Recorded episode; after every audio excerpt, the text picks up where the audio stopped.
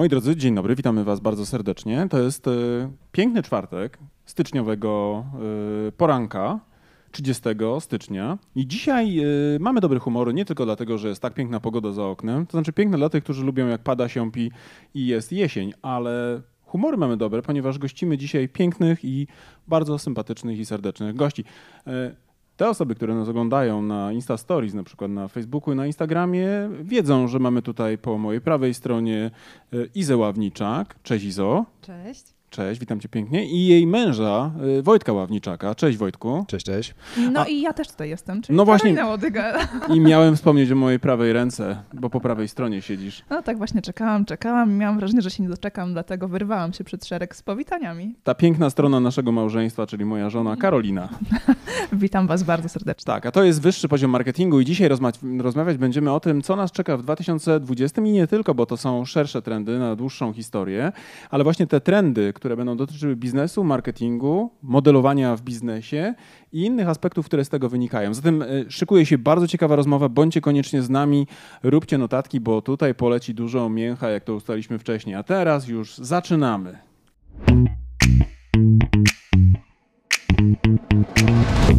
Cześć moi drodzy, jak się czujecie? Jak się czujecie pierwszy raz przy mikrofonie w ramach podcastu? Bo wiem, że audio nie jest wam obce, ale chyba pierwszy raz jesteście w takiej formule. Jak to wypada?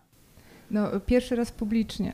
Okej. E, Ja jestem wielkim fanem audiobooków od lat. W zasadzie można by powiedzieć od bardzo, bardzo wczesnych lat. Pamiętam e, płyty i e, bajki na czarnych krążkach, których słuchałam namiętnie. Teraz jestem absolutnym fanem audiobooków, wierną.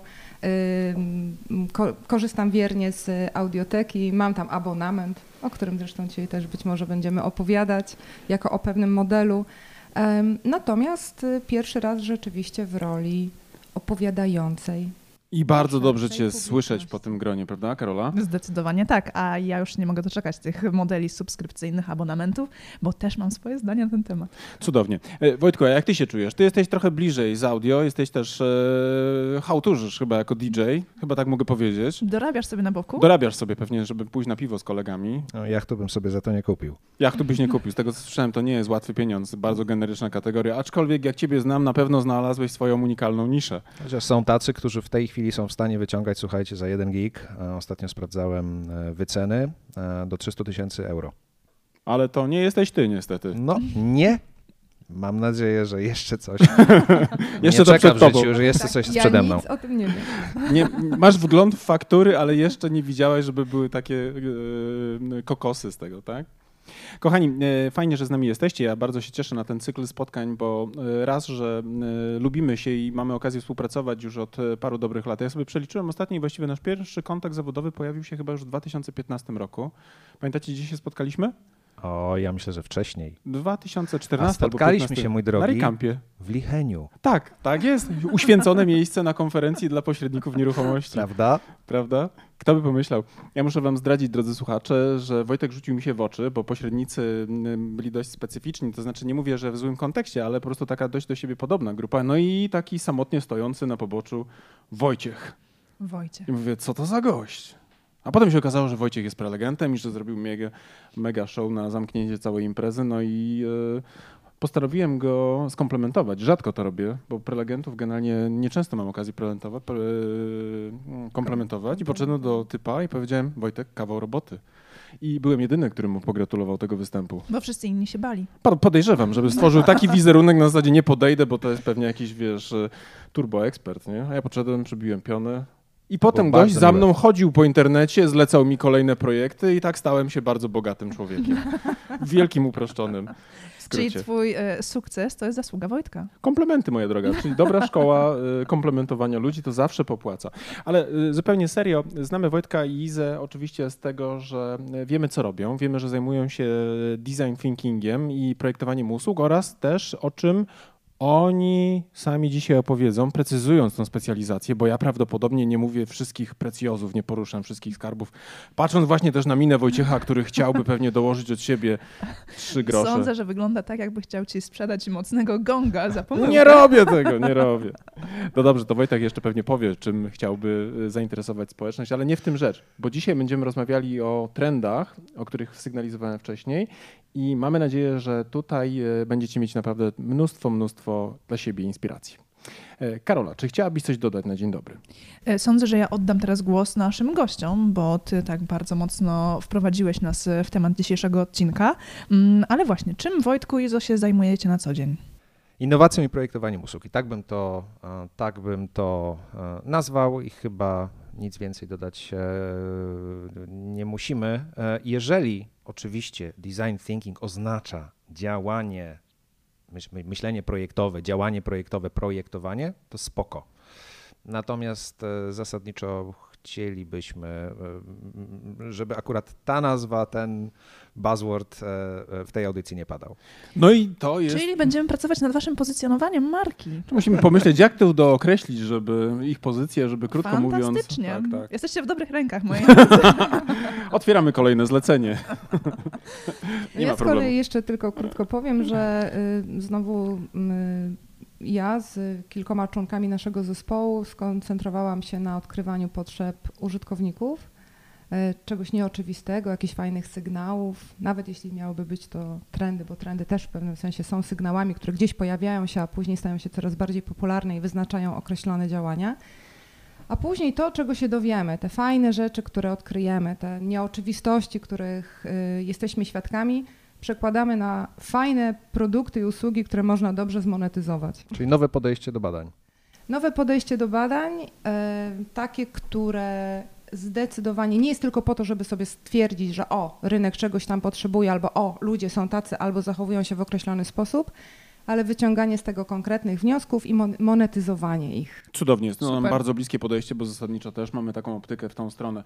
E, Co jest ciekawe, jak rozmawiam z wami, to mam wrażenie, że wy bardzo często mówicie o tym samym, ale nazywacie te rzeczy, które y, przedstawiacie, tylko nazywać, posługujecie się innymi, innymi zbiorami definicji. Pamiętam, jak kiedyś Wiesz, był... to kwestia doświadczenia i płci.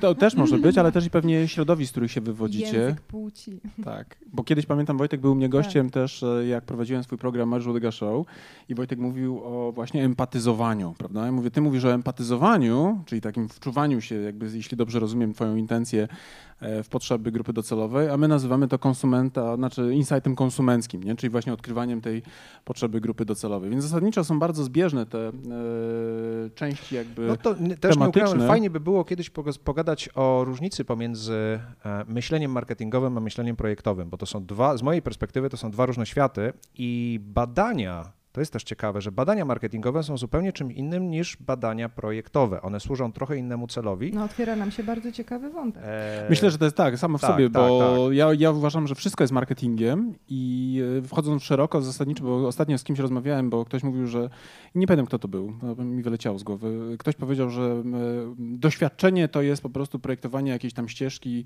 albo inaczej ścieżka konsumenta jest jakimś tam wynikiem budow- budowania doświadczeń, etc. I że to próbował dyferencjować od na przykład właśnie marketingu. Dla mnie doświadczenie jest immanentną cechą dobrego marketingu. Czyli krótko mówiąc, idziesz do dobrej restauracji, czujesz się zaopiekowany, zaczynasz być ambasa- ambasadorem miejsca i nagle masz tak naprawdę idealną wrzutę marketingową, bo to jest nic innego jak kreacja popytu na dany produkt albo usługę, nie? Zgadzam się i nie zgadzam jednocześnie. To ciekawa sytuacja.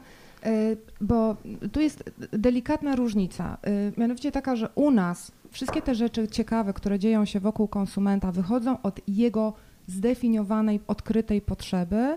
Myślę, że w marketingu, ale może się mylę, nie zajmuję się marketingiem, aczkolwiek śmiem twierdzić, że w marketingu dzieje się to raczej od strony biznesu. Biznes próbuje sobie poukładać pewne działania, żeby zakochać w sobie klienta albo żeby spełnić jego potrzebę. A u nas my wychodzimy nie od strony biznesu, tylko od strony zachowania, bo to zachowanie konsumenta w naszej, z naszej perspektywy wpływa na to, jak biznesy będą się I kształtować. tu jesteśmy bardzo jest w ogóle znowu, ciekawe. Bardzo, no, ja po- pozwól tylko, że skończę, bo to jest właśnie doskonałe.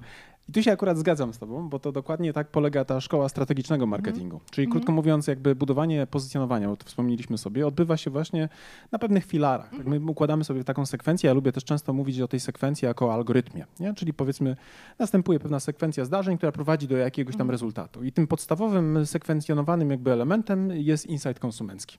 Czyli wychodzimy od zdefiniowania potrzeby, a potem tak naprawdę później klocki układamy, które prowadzą do tego, że pojawia się ten komunikat reklamowo-marketingowy, który skłania tą grupę docelową, która była wcześniej też zdefiniowana do podjęcia akcji zakupowej. Nie? Więc znowu myślę, że nie mówimy o dwóch bardzo odległych wiesz, światach, natomiast podejrzewam, że i zarówno to podejście od podejścia marketingowego tak naprawdę różni pewnie akcentowanie pewnych fraz. Ale pozwólcie, że Wojtek skończy wątek, który miał, a my przejdziemy do trendów, bo y, to jest też fascynujące, nie? Co wy na to? Tak, bo mamy tu i Dobrze. algorytmy, mamy Tak, tu tak. i modele biznesowe i zachowania konsumenckie, tak jest. Tak, Wojtku, Jestem najstarszy z was, więc spokojnie będę mógł powiedzieć. wyglądasz na najstarszego, ale Prawda? metrykalnie to który rocznik? Jestem starszy niż węgiel. Y, Ale to który rocznik? Konkrety. 72. No to faktycznie jest Wygrałeś. stare No. pudło, no faktycznie. Słuchajcie, Tada. z mojej perspektywy różnica jest e, bardzo głęboka. To są dwa różne światy. Jak mówimy o odkrywaniu potrzeb, to w przypadku projektowania mówimy o odkrywaniu potrzeb uświadomionych, nieświadomych, nie, nieuświadomionych, ale tych potrzeb, które w człowieku są. W przypadku marketingu mówimy o kreowaniu potrzeb, czyli wymyślaniu rzeczy, które tak na dobrą sprawę być może w ogóle by w życiu nie zaistniały, gdyby nie umiejętna komunikacja marketingowa. My zawsze mówimy piękny polski zwrot. Projektowanie, czy inaczej, marketing to jest making, making, uwaga, bo to jest bardzo ważne, making people want products and services. Podczas gdy projektowanie to making products and services people want. To jest dość e, zniuansowane, dość trudne do przetłumaczenia e, na język polski. Język angielski bardzo fajnie to oddaje.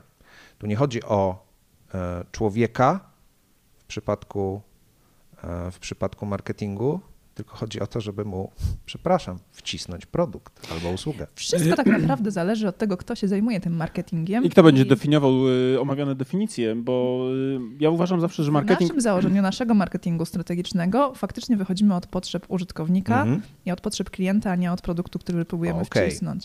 Ale zdaję sobie sprawę z tego, że jest wiele brandów, wiele marek, wielu marketingowców, którzy działają właśnie w tym drugim Tak, modelu. tak. I myślę, że wrzucanie wszystkiego do jednego wora, do szkoły marketingu, która oznacza na przykład, wiecie, przekładając na język polski na spamowanie produktem, Mhm. niekoniecznie jest tym, co my byśmy chcieli ewangelizować. Natomiast e, e, sama kreacja popytu y, jest dobrą rzeczą, którą trzeba robić, bo Jak pamiętacie, najbardziej. że zawsze będzie nadpodaż e, dóbr i to będzie jakby też immanentna cecha cywilizacji rozwiniętych. Chyba, że pierdolniemy sobie jakąś ładną katastrofę, wyłączymy prąd, A Ale- sygnały tego są rzeczywiście, jeżeli starczy nam dzisiaj na to czasu i przejdziemy do trendów, No. sygnałów, zmian, to być może powiem na, to dwa, na ten temat dwa zdania. Słuchajcie, ja bym też był za tym, żebyśmy przeszli, bo ja powiedzmy tą dyskusję na temat, co jest, e, co jest czym, pewnie moglibyśmy prowadzić całą godzinę, a myślę, że sobie przygotujemy jeszcze ten czas na to, żeby sobie się pospierać, ale w ogóle to mi sprawiło dużą przyjemność. Tak, tak. To jest, tak, to jest tak. uczta dla mnie, nie? Tak. No Tak. to co, zaczynamy?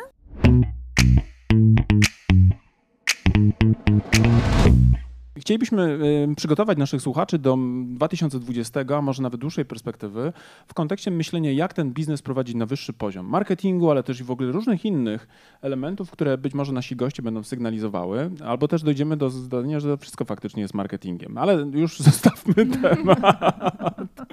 Natomiast ja widzę pewne trendy, które są z perspektywy y, biznesu ważne i które będą aktualne jeszcze moim zdaniem nawet parę lat. Bo ja pierwszy raz definiowałem tą swoją paczkę czterech głównych trendów, takich e, nazwijmy go czterech, e, czterech e, behemotów marketingu, nie? którzy wpł- wpływają na to, jak biznesy funkcjonują. E, To wpadłem jakby myśląc o nich już w 2017 roku za pierwszym razem i potem, kiedy próbowałem aktualizować trendy marketingowe na kolejny każdy rok, to okazywało się, że w tych właściwie czterech głównych elementach nie zmieniłbym praktycznie słowa, bo one są e, praktycznie rzecz biorąc e, Cały no, czas aktualne. cały czas aktualne. E, Natomiast zanim ja omówię te swoje cztery, cztery ważne nurty, to chciałbym zapytać was. Może zacznę od Izy, bo to jest taka pewnie dżentelmeńska rola w tej chwili, żeby właśnie zacząć od kobiety. E, Tak, bo teraz jest taki moment mobile first albo ladies first. Ladies first, tak, tak. Czyli to też. Ale to jest w ogóle dobry, dobry, dobry, dobre hasło takie, wiesz, na wybory, gdybyś Gdybyś szła w tej chwili jakiejś kampanii wyborczej, politycznej, jest sezon, może pierwsza kobieta kandydat, y, sensowna pierwsza kobieta kandydat, nie? Bo, Właśnie, to słowo sensowne jest słowem kluczem. tak, tak, tak. No może wchodźmy w preferencje polityczne, ale Ladies First byłoby dobrą platformą komunikacji. Izo, jaki główny trend ty na przykład widzisz z perspektywy y, obserwowanych y, sygnałów, które, które gdzieś tam tobie się rzucają na oczy? Co byś powiedziała, że jest takim, wiesz, numerem uno z twojej perspektywy, czego nie wolno ignorować, a co, y, czego ignorowanie może kosztować nas y, duże pieniądze? Wiesz, co, z racji tego, że takim moim ukochanym dzieckiem e, są badania, czyli odkrywanie potrzeb, jak ludzie się zachowują, w jaki sposób kupują, czego, y, jak spędzają dzień, e, jak jedzą, jak się pielęgnują, jak się rodzą, jak umierają, no to dla mnie zawsze takim numerem jeden to jest obserwowanie sygnałów zmian w kontekście e, społecznym i w kontekście ludzi. E, Bo oczywiście ja nie umniejszam ani digitalizacji, ani tych wszystkim Mhm. innym trendom, które dzieją się z ramienia technologii. Natomiast dla mnie osobiście to, co dzieje się w e, materii ludzkiej, jest ciekawe. Czyli co, w tej warstwie kulturowej masz na myśli? Nawet nie tyle w warstwie kulturowej, co w kontekście zachowań. Mhm. I tutaj mm, to, że mamy erę personalizacji, no to jest oczywiste, tak? Każdy chce otrzymywać to, czego potrzebuje, czy co chce otrzymać, ale na to wszystko nakłada się teraz taka mm, czas wygody, a nawet powiedziałabym jeszcze dalej, czas pewnej absolutnej trafności. Co to znaczy? To znaczy, że po pierwsze, usługi i produkty skrojone są pod konkretne potrzeby grup docelowych lub nawet pojedynczych użytkowników i to fajnie. To się dzieje, to jest tam podstawa konsumpcjonizmu i, i tyle. Z drugiej strony mamy tak zwane bezszwowe obiegi, e, czy to płatnicze, czy też korzystania z usług, ale nie o tym będę dzisiaj mówić. Natomiast pojawiają się rozwiązania, które nie dosyć, że spełniają oczekiwania, to jeszcze spełniają, y, dopasowują się do ich zmienności w czasie. Może podam konkretny przykład, właśnie, bo tak będzie tam łatwiej, tak, łatwiej, łatwiej to y, ogarnąć. Marka kosmetyczna. O, no z racji tego, jest to jeden z moich, nie ukrywam, z ulubionych obszarów e, i tu w tym obszarze również eksploruję chętnie zmiany. E, Japońska marka kosmetyczna Shiseido wydała już bodajże dwa lata temu, wprowadziła na rynek japoński rozwiązanie, które łączy w sobie e, rozszerzoną rzeczywistość, sztuczną inteligencję, no i oczywiście człowieka, usługę dla, usługę dla człowieka. E, To jest urządzenie, które zasysa dane wewnętrzne, czyli to wszystko, co my chcemy o sobie powiedzieć Mhm. w kontekście naszej pielęgnacji, z danymi zewnętrznymi, czyli to, w, w jakim środowisku żyjemy i na jakie jesteśmy narażeni zmiany pod względem na przykład rytmu biologicznego i na podstawie algorytmów, specjalnych algorytmów, dobiera konkretną pielęgnację dla konkretnej osoby w konkretnym czasie.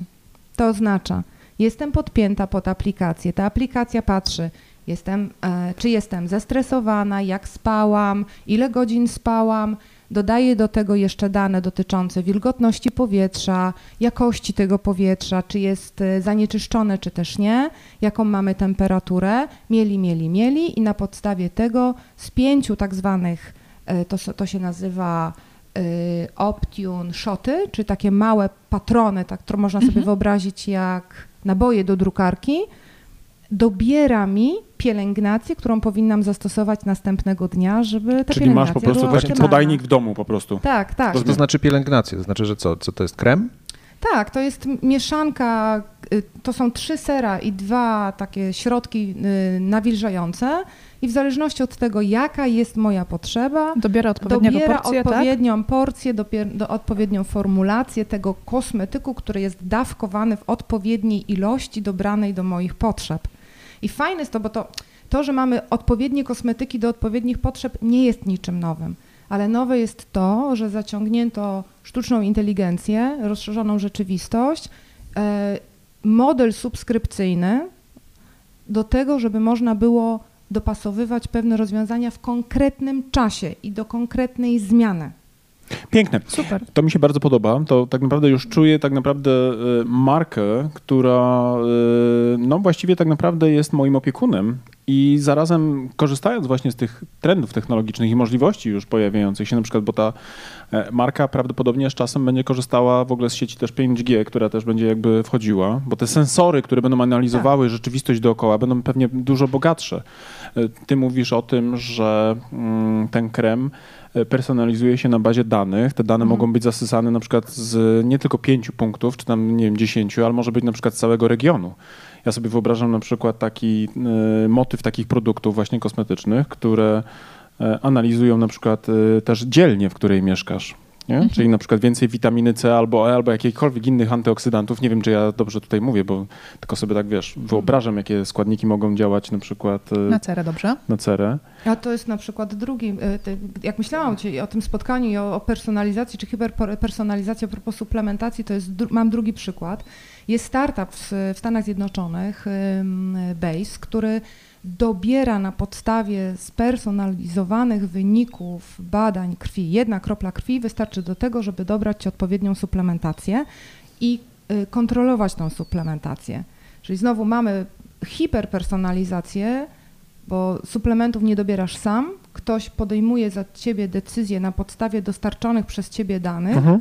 a ty tylko kontrolujesz w jaki sposób. e, Fantastyczne rozwiązanie. tak. Bo To jest doskonałe. ogromny problem Czyli mamy, e, z, dobio- z dobrem odpowiedniej suplementacji, bo przecież zazwyczaj e, idziemy do apteki, kupujemy kilka opakowań różnych specyfików, bierzemy wszystko naraz, e, łącząc je ze sobą, a okazuje się później, że faktycznie fa- fajnie, że je bierzemy, ale one się jednocześnie wykluczają, bo skoro spożywamy je w tym samym czasie, coś jak, coś jak y, ser z ogórek, znaczy ten y, ogórek z pomidorem. to tak, ogórek z pomidorem.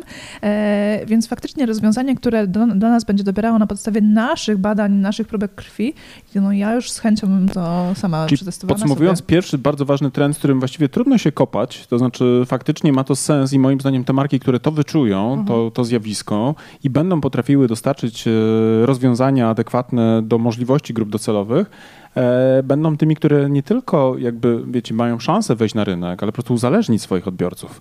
Bo ja Zaczęłaś od kosmetyków. Jest piękny case. Czuję to. Tak też bym używał. No, w zasadzie jestem po spotkaniu z Wojtkiem, e, nie?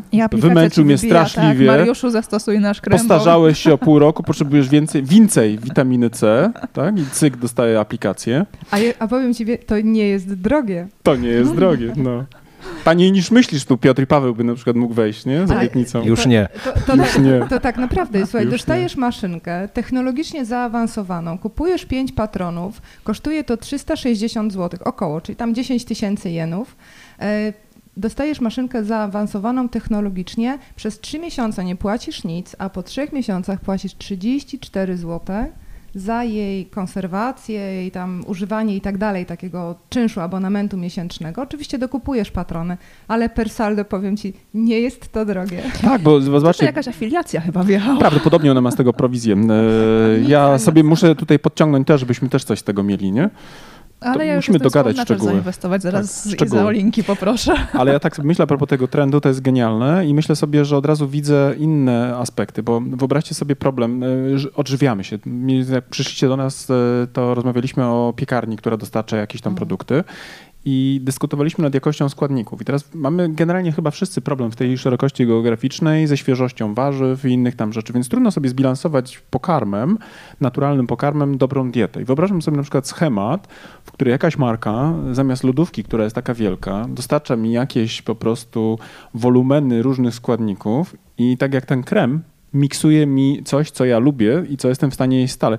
Nie wiem, czy wy też, powiedzcie mi, bo my na przykład z Karoliną doszliśmy do takiego przekonania, że moglibyśmy jeść to samo cały czas, A słyszeliście o Przez genodietach? pewien czas. przez pewien czas. My od dwóch lat jemy e, Od codziennie takie same śniadania. My też. My też. A co jecie? E, A Szakszuka my albo chyba już od omlety. pięciu lat. Od pięciu E, lat. Szakszuka i omlety, obie rzeczy robi Wojtek, jest w tym genialny. Absolutnie. Czyli chodzi o to, że po prostu nie ma innych skilli, tylko dwie potrawy opanował, Tak. tak? To, jest jakby, jak? to jest ta przyczyna, No, tak? przez dwa lata Wąsko, ale dojść do poziomu mistrzowskiego, rozumiem. Hiperpersonalizacja. Tak.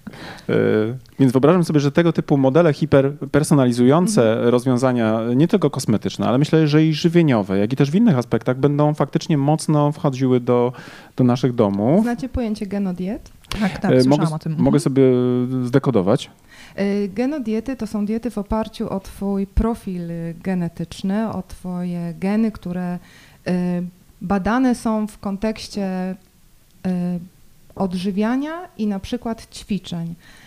I to jest ok, to jakby to w Polsce już jest, to jest dostępne, nie jest tanie, ale efektywne. Natomiast y, jest jeden bardzo ciekawy startup i to już nie, jest, nie są Chiny, nie jest Japonia, nie są Stany Zjednoczone, zdecydowanie bliżej Wielka Brytania. To jest catering. U nas też są cateringi, nie? bardzo znane, mniej Tak, znane tak, i tak, tak, dalej. tak. Jest to firma cateringowa, która w porozumieniu z Centrum Badania DNA, DNA FIT bodajże, na podstawie Twojego wyniku y, badań genetycznych opracowuje catering, który możesz u nich zamówić i kazać sobie dostarczyć do chaty. No i z tym już nie możesz dyskutować, że tego nie lubisz i że to ci nie smakuje. Skoro twoje geny mówią, że to masz jeść, to musisz to spożywać. I będziesz tak do końca życia. Ale pozwólcie, że ja trochę jak ten moderator pozwolę sobie na wbicie następnego trendu, bo czas jest tutaj też istotny, chcemy go wykorzystać. Czyli rozumiemy, że pierwszy z takich ważnych trendów, e, co do którego myślę, że mamy tutaj jasność i rozumiemy e, jego implikacje, mamy omówiony. E, Czy jesteśmy gotowi pójść dalej? Bo faktycznie takich sygnałów, o których warto rozmawiać, na pewno jest więcej. Czy Wojtku chciałbyś coś dodać? No, ch- chciałbym dodać, de facto przechodząc dalej, bo słuchajcie, mówiliśmy o modelach subskrypcyjnych. Mhm. E, Ja nie ukrywam, że moje myślenie o modelach subskrypcyjnych e, zaczęło się, e, czy zintensyfikowało się w zeszłym tygodniu. Kiedy przejrzałem po raz kolejny Netflixa i powiedziałem sobie, Boże, ja nie mam tam co oglądać. I pomyślałem sobie w ogóle o modelach subskrypcyjnych w Polsce.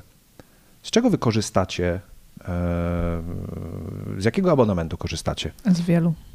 Z wielu, ale to jeżeli mówimy o polskich brandach, tak? Konkretyzujesz Mówimy to do... o w ogóle ofercie, z której korzystacie, ofele- o ofercie subskrypcyjnej. Co to jest? Modele subskrypcyjne, subskrypcyjne faktycznie nam towarzyszą i to właściwie od lat, Mhm. ale może Ale to faktycznie w branży technologicznej korzystamy z tego, bo i medialnej. E, tak, e, subskrypcje oprogramowania, Tak. miesięcznie płacimy abonamenty, płacimy za rozrywkę, czyli Tak. dostęp do Netflixa, HBO czy e, Apple TV, Spotify'a, Spotify'a, e, Storytela, tak. jest tego trochę. No, Tak, e, zobacz, plus no. jeszcze dostęp na przykład e, przebicie się przez firewall wyborczej. E, No tak, to jeszcze Wiem, gazety. że, znaczy Mhm. to też nie chcę, żeby to świadczyło o mnie jako manifestacji politycznej. Ja po prostu czytam z różnych źródeł informacje. Nie chcę mieć jakby Mhm. żyć w jednej bańce, więc czytam na przykład e, wyborczą, ale też czytam rzepę i czasami zaglądam na bardzo prawicowe też e, I nie strony. oglądamy wiadomości. I oglądam wiadomości i czasami też rzucę na Polsat i na TVN. Więc tutaj, jeżeli ktoś doszukuje się jakiejś mojej opcji politycznej, to jeszcze akurat w tym momencie nie I jest w nie stanie odnajdzie, tak. odnaleźć. Ale korzystam właśnie z e, mm, subskrypcji e, dość często. Tak Ale jest widzę, że Wojtek się uśmiecha i ma na nas pewnie jakiegoś tutaj... Bo to wszystko są produkty online. Tak. tak, tak. Dlaczego? Czy inaczej, nie powiem dlaczego, bo nie stawiam tezy, tylko do, dopytam, a korzystacie z jakichkolwiek produktów offline w modelach subskrypcyjnych? Nie. Czegokolwiek, nie wiem, buty, żelazka, sprzęt AGD, Nie. ogro, E, ogrodnicze Jeżeli byśmy potraktowali narzędzia. leasing jako rodzaj subskrypcji, to mamy. Nie, to e, jest leasing, to jest zupełnie inna sytuacja. Nie, ale to faktycznie Żartuję. modelem subskrypcyjnym są te diety pudełkowe, o którym Tak. mówiła Iza, aczkolwiek my Okej. z tego nie korzystamy, bo jesteśmy e, za tym, żeby sami sobie przygotowywać. Dobrze, Nie. za- zapytam, prze, przepraszam, za, Ale nie zapytam kojarzymy podpaski, innych modeli. Podpaski, czy cokolwiek, co Widziałam jest reklamy, związane z menstruacją. jest. Nie, nie korzystamy. Mariusz Nie, też maszynek tego, do co golenia wiem. też na przykład nie kupuję, a mógłbym, bo nawet w 2015 roku pisałem ewangelizujący na ten temat e, artykuł Dollar Shave Club na No przykład. i masz dwie polskie firmy. Dlaczego z nich nie korzystasz? Mamy E, Bolt King i mamy Easy Shave. E- Easy Shave Club oni się nazywają. Wiesz co, dlatego, że marka, której ostrzom powierzam gładkie lica swojej pięknej twarzy, tu sobie dodałem, to marka, która, która towarzyszy mi w sumie już y, kilkanaście lat. Sentyment. Sentyment, przyzwyczajenie, zaufanie, ale też i e, nie bez e, przyczyny e, technicznej. E, Jakość tych ostrzy jest po prostu oj, oj, oj, oj. torpedyczna. Nie, naprawdę przydatność jakby ostrzy, na przykład Mach 3 miesiąc, a jednorazówki znacznie słabiej pod tym kątem wypadały. Miesiąca nie trzymają jednorazówki. Jednorazówki nie, no w sensie wiecie, te takie tanie biki tam, to powiedzmy, to się mówi potocznie jednorazówka, ale wiadomo, że nikt nie, nikt tego... nikt nie używa, nie? Więc jakby w tym, w tym modelu. Natomiast też nie jest tak, że ja prowadzę na przykład szerokie badania na temat, e, wiesz, kategorii maszynek do golenia i weryfikuję 30 różnych ostrzy, bo jednak te testy są ograniczone do dwóch, trzech brandów, a potem a, walić to wybieram to, co znamy. Idę jak taki koń w ścieżkach zakupowych, tak? Albo ta inżynieria, in- inżynier mamoń tutaj. Wybieram produkt, który znam i któremu, któremu ufam i z którym jestem oswojony. Ale subskrypcja e, pewnie ma tutaj jakieś drugie dno, Wojtku. No nie, bo, bo, bo rozejrzałem się Mhm. wokół nas, w dużych miastach, w mniejszych miastach, poszukałem trochę i przyznam szczerze, że e, jestem trochę zdumiony tym, że modele subskrypcyjne tanich rozwiązań, naprawdę tanich rozwiązań, które mogę sobie wyobrazić, e, mogłyby żreć w Polsce jak, jak nigdzie, nie, nie, nie ma ich. Nie, nie Jesteśmy ich, chyba Pamiętam model subskrypcyjny wody Eden. To mi się teraz tak przypomniało, że to faktycznie jest produkt, który zużywasz i który faktycznie musisz mieć raz na jakiś czas dostarczony do domu, bo go potrzebujesz. Ale tak jak wspomniałeś przed chwilą o żelazkach, czy butach, czy Buty innych... dla dzieci, słuchajcie. Nie? To, to są modele, Mogłoby to jest być. model, Mogły, który tak. już zaczyna wchodzić normalnie e, na zachodzie, z którego można czerpać. Mhm. No e, okej, nasze dziecko już jest starsze, ale wasze jest młodsze. Gdyby I była taka to- Ta możliwość, wymiana co chwilę rozmiaru jest potrzebna. Ale ja myślę, że to jest po pierwsze, to jest pewnie kulturowo też trochę zakorzenione. My jesteśmy dosk- dość konserwatywni jako my, kultura polska, dość konserwatywni. E, W związku z tym mamy na przykład w genach jeszcze wpisaną cechę, którą, którą można sprowadzić do takiego lubienia posiadania pewnych rzeczy Mhm. na wyłączność. Okej, ale to jestem w stanie zrozumieć w odniesieniu do rzeczy, które, e, e, Budują status. które budują w pewnym Mhm. sensie status. Więc rozumiem, rozumiem, że modele subskrypcyjne samochodów mogą nie chodzić. Chociaż już pierwsze firmy się pojawiły, zresztą w Poznaniu mamy e, pierwszą firmę, która w modelach subskrypcyjnych takie samochody e, oferuje. Ale nie umiem sobie wyobrazić sytuacji, w której ja, no nie wiem, czy ktokolwiek, e, czytelnik czy, czy, czy, czy słuchacz, który, który na przykład na co dzień czyta Michała Szafrańskiego nie? I, i, i ogląda i który zaczyna liczyć, dla którego ten tak zwany, ten magiczny TCO, Total Cost of Ownership, jest czymś oczywistym. Nie? Czy jestem w stanie sobie wyliczyć, ile wydaję na buty dla mojego dziecka w ciągu roku, w ciągu dwóch lat, w ciągu trzech i przeliczam to sobie na abonament i patrzę, czy mi się po prostu to opyla, czy nie to mimo wszystko nie ma oferty. Jeżeli nie ma oferty, nie ma podaży, to pytanie, czy nie ma popytu? Tak, ale jeszcze musielibyśmy się zastanowić nad e, rodzajem dokładnym tej usługi, czyli mm, e, abonament na e, dostarczanie nam produktów jednorazowych, czy też takich, które wykorzystamy i które są do mm, zutylizowania. Załóżmy, nie wiem, produkty spożywcze, no ich już nie oddamy po zakończeniu abonamentu, czy też na przykład właśnie będzie to To abonament... też zależy. E, no właśnie, więc...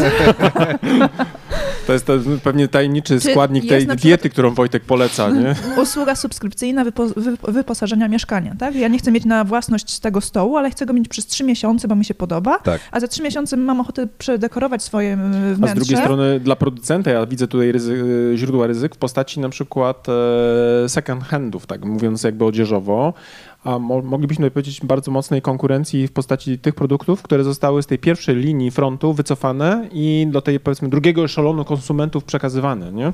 To może rodzić bariery i ryzyka produkcyjne. Ja myślę, że w tym kontekście łatwiej jest na przykład ludziom cyklicznie sprzedawać nowe produkty.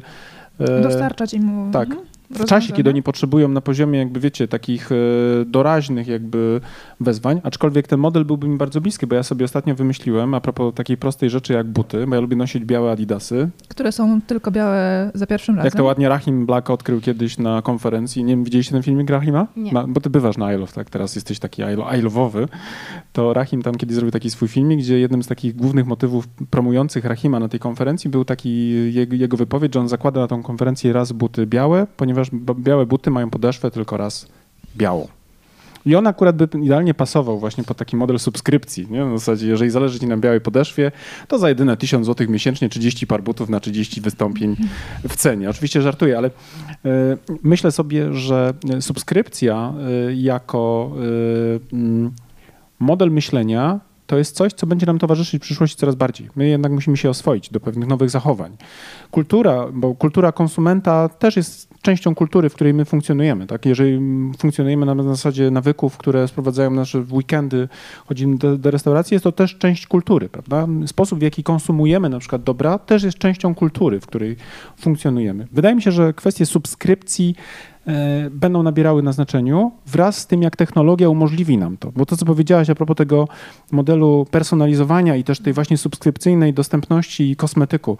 Jak to tutaj ja... tego nie potrafię sobie rozdzielić, ale z kolei produkty, które mam dostępne, załóżmy na dole w Rosmanie, e, mówiąc o produktach, załóżmy kosmetycznych, to mam takie poczucie, że nie potrzebuję ich w abonamencie, w subskrypcji, żeby ktoś mi co miesiąc je dostarczał, skoro ja mogę w razie mojej potrzeby zejść do sklepu i raz kupić sobie na początku miesiąca, a potem za dwa miesiące, a nie dostawać je co miesiąc regularnie. Ale jeżeli to jest coś dopasowanego do moich potrzeb, skalibrowane pod moje preferencje i moje środowisko, to to już zupełnie zmienia postać rzeczy. I to jest ciekawe, bo ten wzrost, e, wzrost liczby modeli subskrypcyjnych offline, które ja widzę e, na zachodzie, jestem przekonany, że on jest, on jest skorelowany z e, takim właśnie, z umiejętnością precyzyjnego odkrywania potrzeb, czyli rozumienia tego, Karolina, rozumienia Twojego życia. Mhm. Jak tak. wygląda Twój cykl dnia, jak wygląda Twój cykl miesiąca, jak wygląda moment dziejowy, w którym Ty w tej chwili jesteś, mając syna, mając męża i, i, i mieszkając. I psa. Tak, i psa, i mieszkając w Poznaniu w tym momencie, w tym czasie e, i w tym miejscu. Ja uważam, Teraz, że.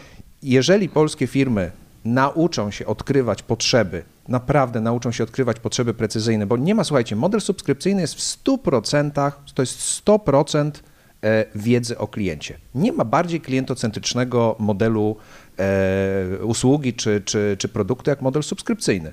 Im więcej wiesz, tym bardziej jesteś w stanie dopasować swoją ofertę do potrzeb i doprowadzić do tego, że przepraszam Mariusz, marketing przestaje ci być potrzebny. W marketing sensie, to, jest, sam, to jest samożrenie. ten rodzaj działania nazywa się na przykład, gdybyśmy znowu chcieli wejść w spory semantyczne, tak. które uwielbiam. Wejdźmy tylko na chwilę. No, to to byłby na przykład rodzaj marketingu, który nazywa się marketingiem imersywnym, okay. uzależniającym. Okay. Tu znowu widzisz, jakby, nie? Jest sparring, jest tak. long, jest, ale chodzi jest, o to, jest kontra. Nie, to, to, zróbmy tak. To znowu mówimy, że marketing jest ważny, nie, tylko... Bo nie, nie, ja ale nie żartowałem. marketingu. Marketing to przestań. Czas, trzeba, słuchajcie, do, do źródła, do źródła to market something.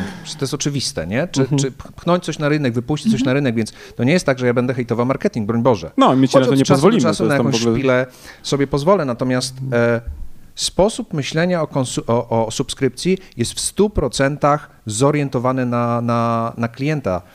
Dlatego on będzie wymagał od sprzedawców myślenia.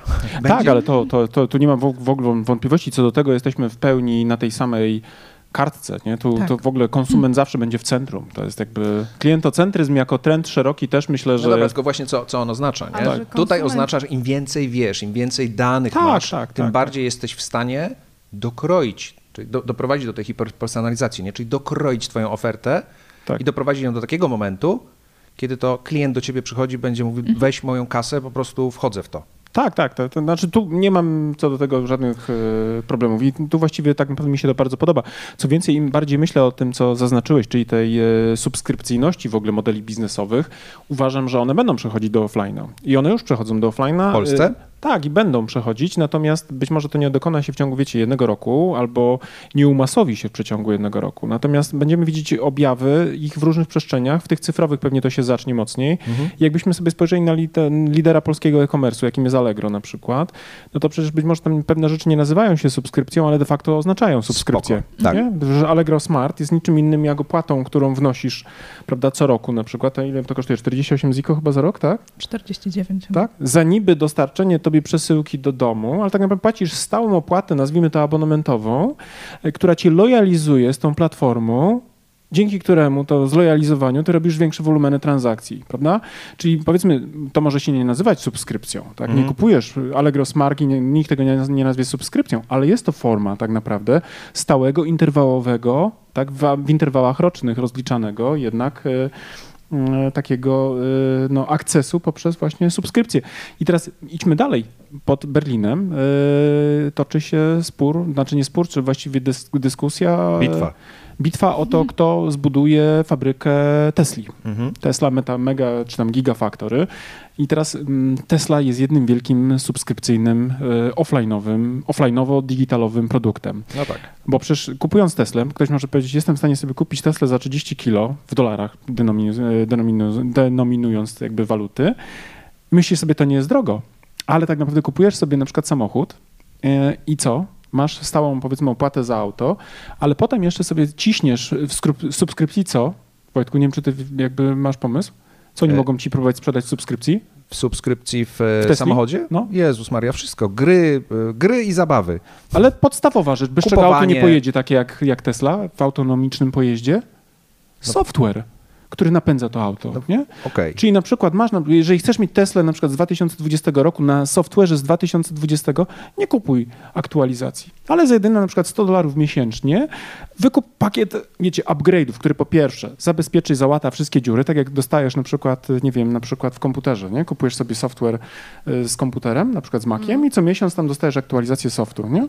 Tak samo na przykład Tesla będzie miała możliwości, nie wiem, czy już to robi, czy, czy będzie to miała możliwości, że tak naprawdę auto będzie tylko i wyłącznie jakby jakimś tam hardwarem, który będzie pretekstem do subskrybowania usług, które to auto No świadczy. tak, tak. Plus te usługi nie będą się ograniczały wyłącznie, słuchajcie, do świadczenia takich podst- podstawowych software'owych rzeczy, które mają na, na celu utrzymanie sprawności pojazdu. To jest oczywiste. Ale jeszcze przecież taki pojazd, słuchajcie, który jest autonomiczny, on się staje centrum świata medialnego No dla takiego konsumenta. Tak, no to Tak. właśnie o tym mówię, że Tak. gry, gry i zabawy, tak? Ale też dostęp, dostęp do słuchacza, który, dla którego podczas podróży tylko ty masz, wiecie, to akces, tak nie? jest. Wojna o dostęp, o ten czas konsumenta, Tak, którym jest.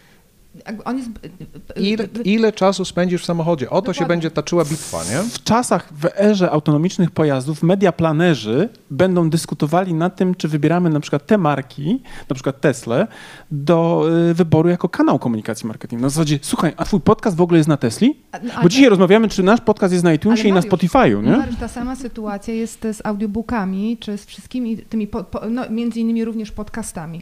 Dlaczego to akurat jest tak popularne? No popularne jest dlatego, że to jest słuchane w czasie, Podróży. kiedy podróży, biegania, Tak. y, jazdy samochodem. To jest ten moment, w którym człowiek skupia się tak naprawdę na dwóch, być może trzech góra rzeczach. Tak. uprawia sport i słucha. Jest, te bodźce, które ta platforma bodźcowania jest Tak. bardzo ograniczona do, do konkretnego odbioru y, typu ucho lub y, no, ewentualnie wzrok, jeżeli tam są jakieś rzeczy, które oglądamy na YouTubie podczas jazdy pociągiem.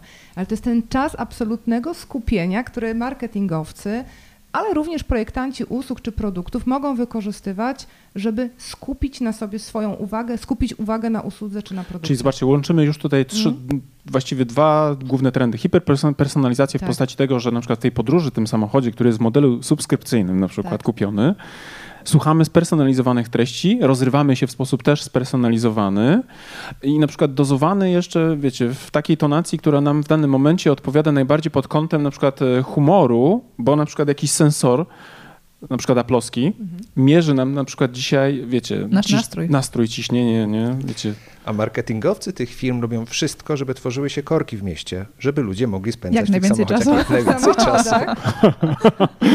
Tu już Myślę, znowu Wojtek. marketingowcy mają niewielki wpływ ale- na korki w mieście. ale Myślę, że to musieliby mieć sztamę z władzami miast. Ale nie wytrzymałby, jakby nie powiedział coś złego o marketingowcach. Nie? On prawdopodobnie gdzieś tam kupił coś raz w życiu, a to jest z Poznania facet i go to boli. Nie? Na zasadzie, że kupił coś, czego nie potrzebował i że sobie... w teorii myślał, że potrzebuje, a potem przyszło E, tak, otrzeźwienie. kupiłem. Net- A Ja pod- myślę, że podświadomie to jest jeszcze trochę tak, że później przychodzą projektanci i robią wszystko, żeby te korki rozładować. do, czyli siebie widzi jako zbawcę, taki, taki mały mesjasz, nie? Koło z się Naramowic. zamyka. Koło się zamyka, no.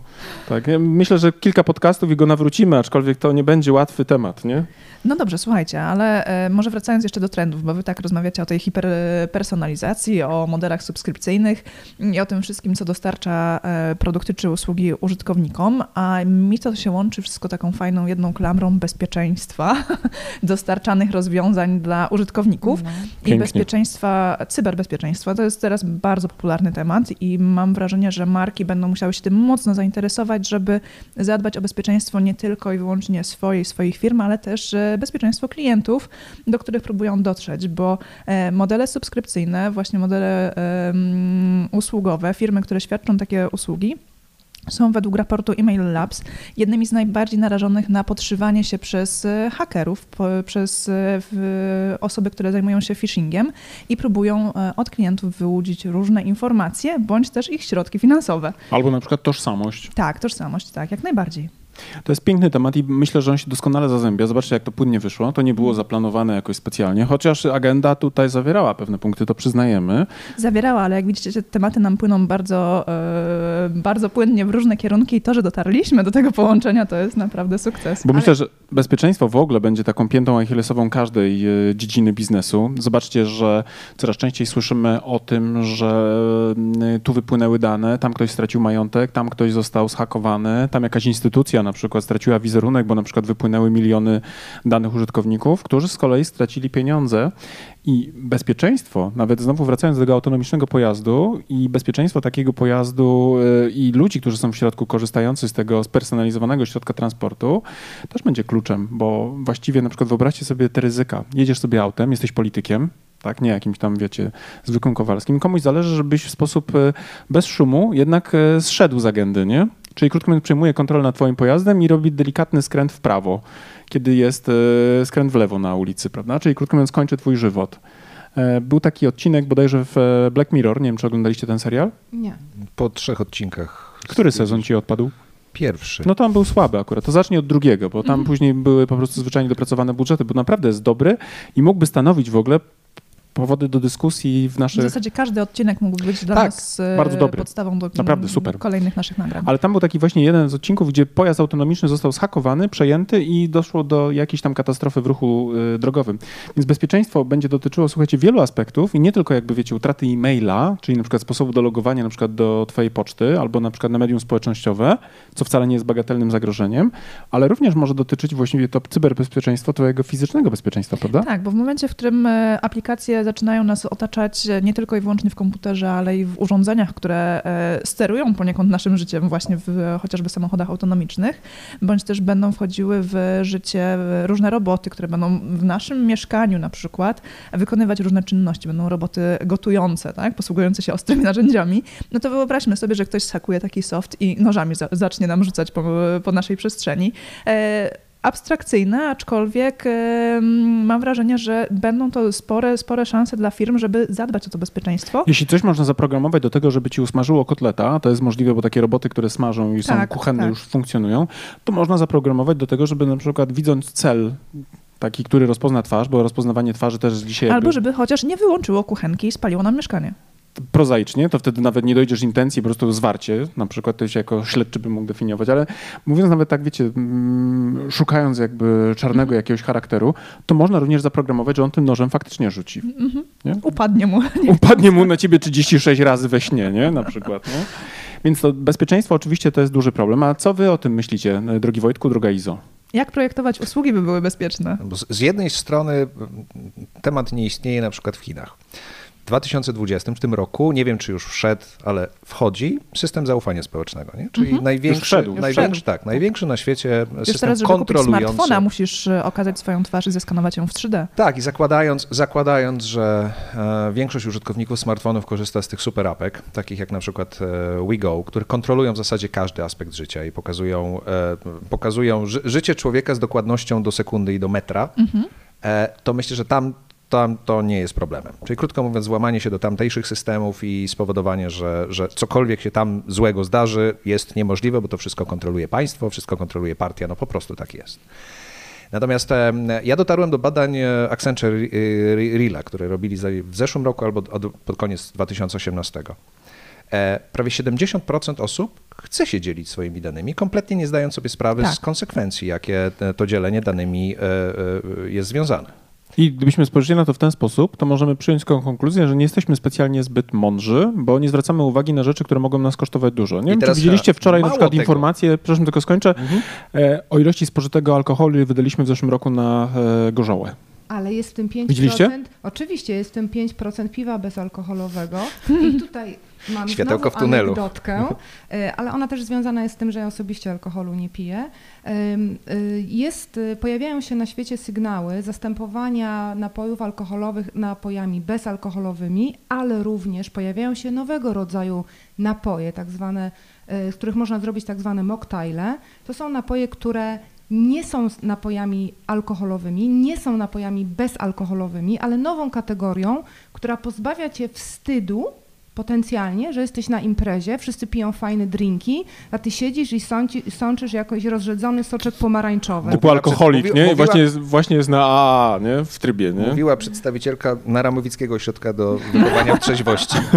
Ale E. tu mówiłem a propos w kontekście, wiecie, nie tyle może trendów, co jakby w ogóle głupich zachowań, bo y, podobno Polacy wypijają ponad tam 12 chyba litrów w tej chwili czystego alko na każdego dorosłego, znaczy dorosłego, powyżej 15 roku życia obywatela tego kraju, No nie? właśnie. Pijemy więcej niż za komuny. Licząc y, Izo, że ty i ja nie pijemy, to zostaje nasza działka A na ja piję Wojtka mniej niż bym chciał. Mariusza. A ja piję mniej niż bym chciał, bo ja bardzo lubię, lubię wypić sobie na przykład whisky albo winko, natomiast nie piję, bo jestem w cyklu treningowym, nie? Aha. Ale to nie znaczy, żebym nie lubił. Ty Ale nie, zbadaj swoje geny, bo może ci to w ogóle nie przeszkadza. y, Jedno nie wyklucza drugiego. Wiesz co, y, ale powoduje, że puchnę, nie? A ja też trenuję nie po to, żeby mieć, wiecie, piękne ciało, ale po prostu zwyczajnie, żeby nie być e, opasłym e, strategiem marketingowym. Najgrubszy w kategorii, nie? No, widzę, że jest jakiś nowy, nowy stream w twoim życiu. Taki. Bo Wczoraj widziałem też jakąś wrzutkę, zdaje się, na jakimś socialu. Że pompa Nowy się rok, sama nie ja. zrobi. Tak. Jeden z bardziej klikanych, tak, jeden z bardziej klikanych postów, które wrzuciłem, tak, bo to ja sobie Ale, mierzę zasięgi. ale słuchajcie, bo to spójrzmy na to. Ale tutaj jeszcze ty mówiłeś a No propos tych chcę, chcę, głupich zachowań chcę naszych, dokończyć nie? te głupie zachowania, bo spójrzmy na to, to nie jest tak, że ludzie to bezrefleksyjnie robią. Podzielę się swoimi danymi, podzielę się, nie wiem, e, swoją twarzą, w sensie wizerunkiem albo odciskiem palca, czy czymkolwiek.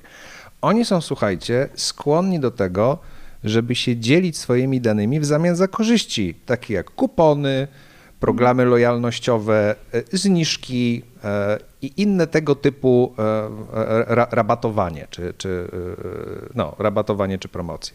Tak. Tak. Więc to jest, to jest, krótko mówiąc, To jest deal. racja merkantylna, ale z drugiej Tak, bo strony... oni merkantyl- oczekują tak. hiperpersonalizacji. I wygody. Tak. I I wygody, tak. I szybkości, bo łatwiej się Rozumiem, na no przykład bo zalogować z do drugiej czegoś. strony użytkownicy tych kremów faktycznie też dzielą się swoimi danymi, Ach, prawda? I, tych I to diet, jakimi? I to na- tych i to diet jaki- przecież to badania krwi dostarczają praktycznie codziennie, żeby sprawdzić poziom. Testy DNA dostarczają w Tak. genodietach. To jest naprawdę, to wchodzimy już do tak bardzo I z tej głębokiego strony- A, poziomu. widzisz, no, Tak, widzisz. i z tej strony oczekują bardzo dużego, wysok- y, wysokiego poziomu bezpieczeństwa ich danych i przechowywania tych danych od firm. E, Więc y, znowu wracamy do mojego trendu. Bezpieczeństwa. No, Bezpieczeństwo. wyobraź sobie na przykład, że okej, super kremik, ale żeby mieć super kremik, ja muszę przekazać na przykład swój kod genetyczny do jakiejś e, marki w Chinach. A już słyszę na przykład i czytam te nagłówki na przykład gdzieś tam w mediach. Chińczycy szpiegują Polaków poprzez aplikację do wymierzania kremu na twarz. I będę mógł kupić drugą Izę na Alibabie, Na przykład. Na AliExpressie. na AliExpressie. AliExpressie. Bo to jest Przepraszam, właśnie. B2C. B2C. Dokładnie, na Alibabie to W 10. modelu subskrypcyjnym, co miesiąc nowa Iza. I zapłacić Alipayem. A, a propos super A apką. propos, czy jest możliwość na przykład mieć żonę w modelu subskrypcyjnym? Ale ja nie wiem, czy tobie by się to opłaciło. Za drogo, nie? To już ledwo się spina. A co do... Słyszałam, może powiem coś niepopularnego, słyszałam o takich pralkach, o żonach jeszcze nie. Póki e, nie rozmawiamy o mężach modelu subskrypcyjnych, to ja jeszcze mogę z tego żartować.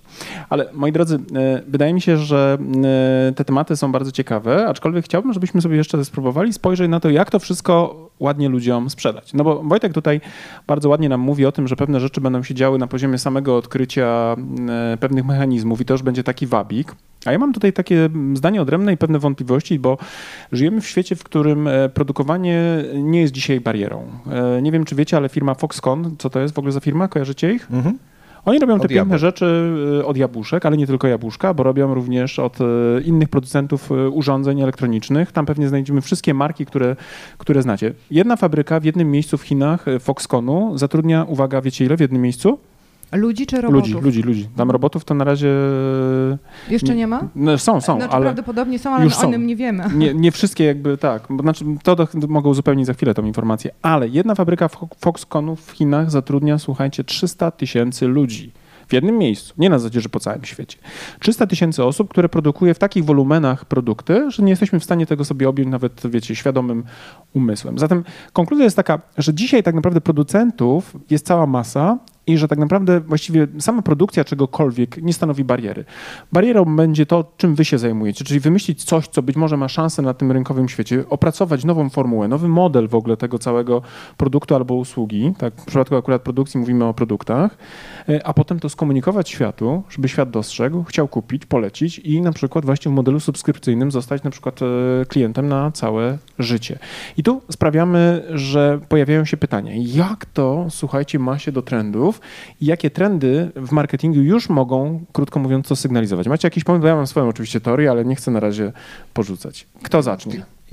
Ja wyjdę, tylko, zgłasza. ja wyjdę tylko od tego, że e, w projektowaniu jest taki bardzo silny e, trend tak zwanego designing for lo- long-term outcome, nie? czyli myślenie o tym, jak będzie wyglądał cały cykl życia produktu, e, obojętnie czy mówimy o gospodarce obiegu zamkniętego, tej, tej gospodarce cyrkularnej, czyli co się stanie z, e, nie wiem, odpadkami po tym e, produkcie, czy, czy po tej usłudze, m, e, ale również co się stanie z samym produktem, czyli jak będzie wyglądało jego życie, drugie życie, nie wiem, czy będzie trafiał do second handu, kto z niego będzie korzystał i tak dalej, i tak dalej. Więc to widać bardzo silnie, że myślenie o tym, w jaki sposób rozłożyć nawet marżę samego produktu w cyklu życia, jest coraz silniejsze w kontekście właśnie myślenia o modelu biznesowym, o tym, na czym zarabiać, nie?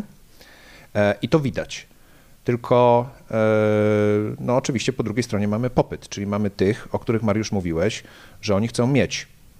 No i też niekoniecznie na przykład e, o czymś nowym już słyszeli, bo ten krem na przykład, nie wiem w Japonii, on, czy on jest hitem już, czy nie, być może, ale w Polsce ja jestem dzisiaj pierwszy raz notyfikowany o takim rozwiązaniu, prawda? Ten podcast nie jest tak, że usłyszy 38 milionów Polaków o tym, że jest krem w takim modelu możliwy i dostępny. Zatem jest cała rola jakby... Mierz stoi- wysoko, Mariusz. Mówię o podcaście, tak. My będziemy numer jeden podcastem w Polsce, zwłaszcza jeżeli utrzymamy ten e, miły skład. Będzie nam na pewno dużo łatwiej e, generować tak fajne dyskusje.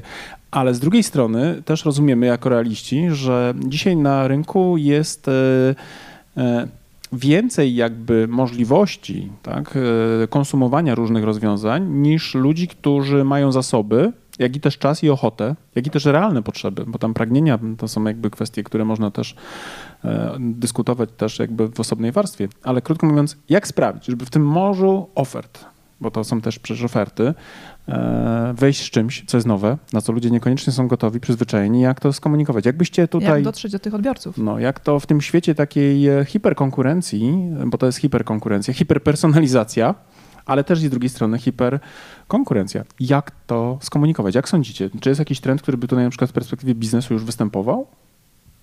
Mam wrażenie, że ty wiesz. Ja wiem, ale czy wy macie jakieś tropy? Że ja mam trochę inne spojrzenie na to, dlatego że dla mnie, dla mnie model do tej pory funkcjonował tak, że produkuje im taniej, tym lepiej, im więcej, tym lepiej i Skala. tak dalej. Skala, skala, skala.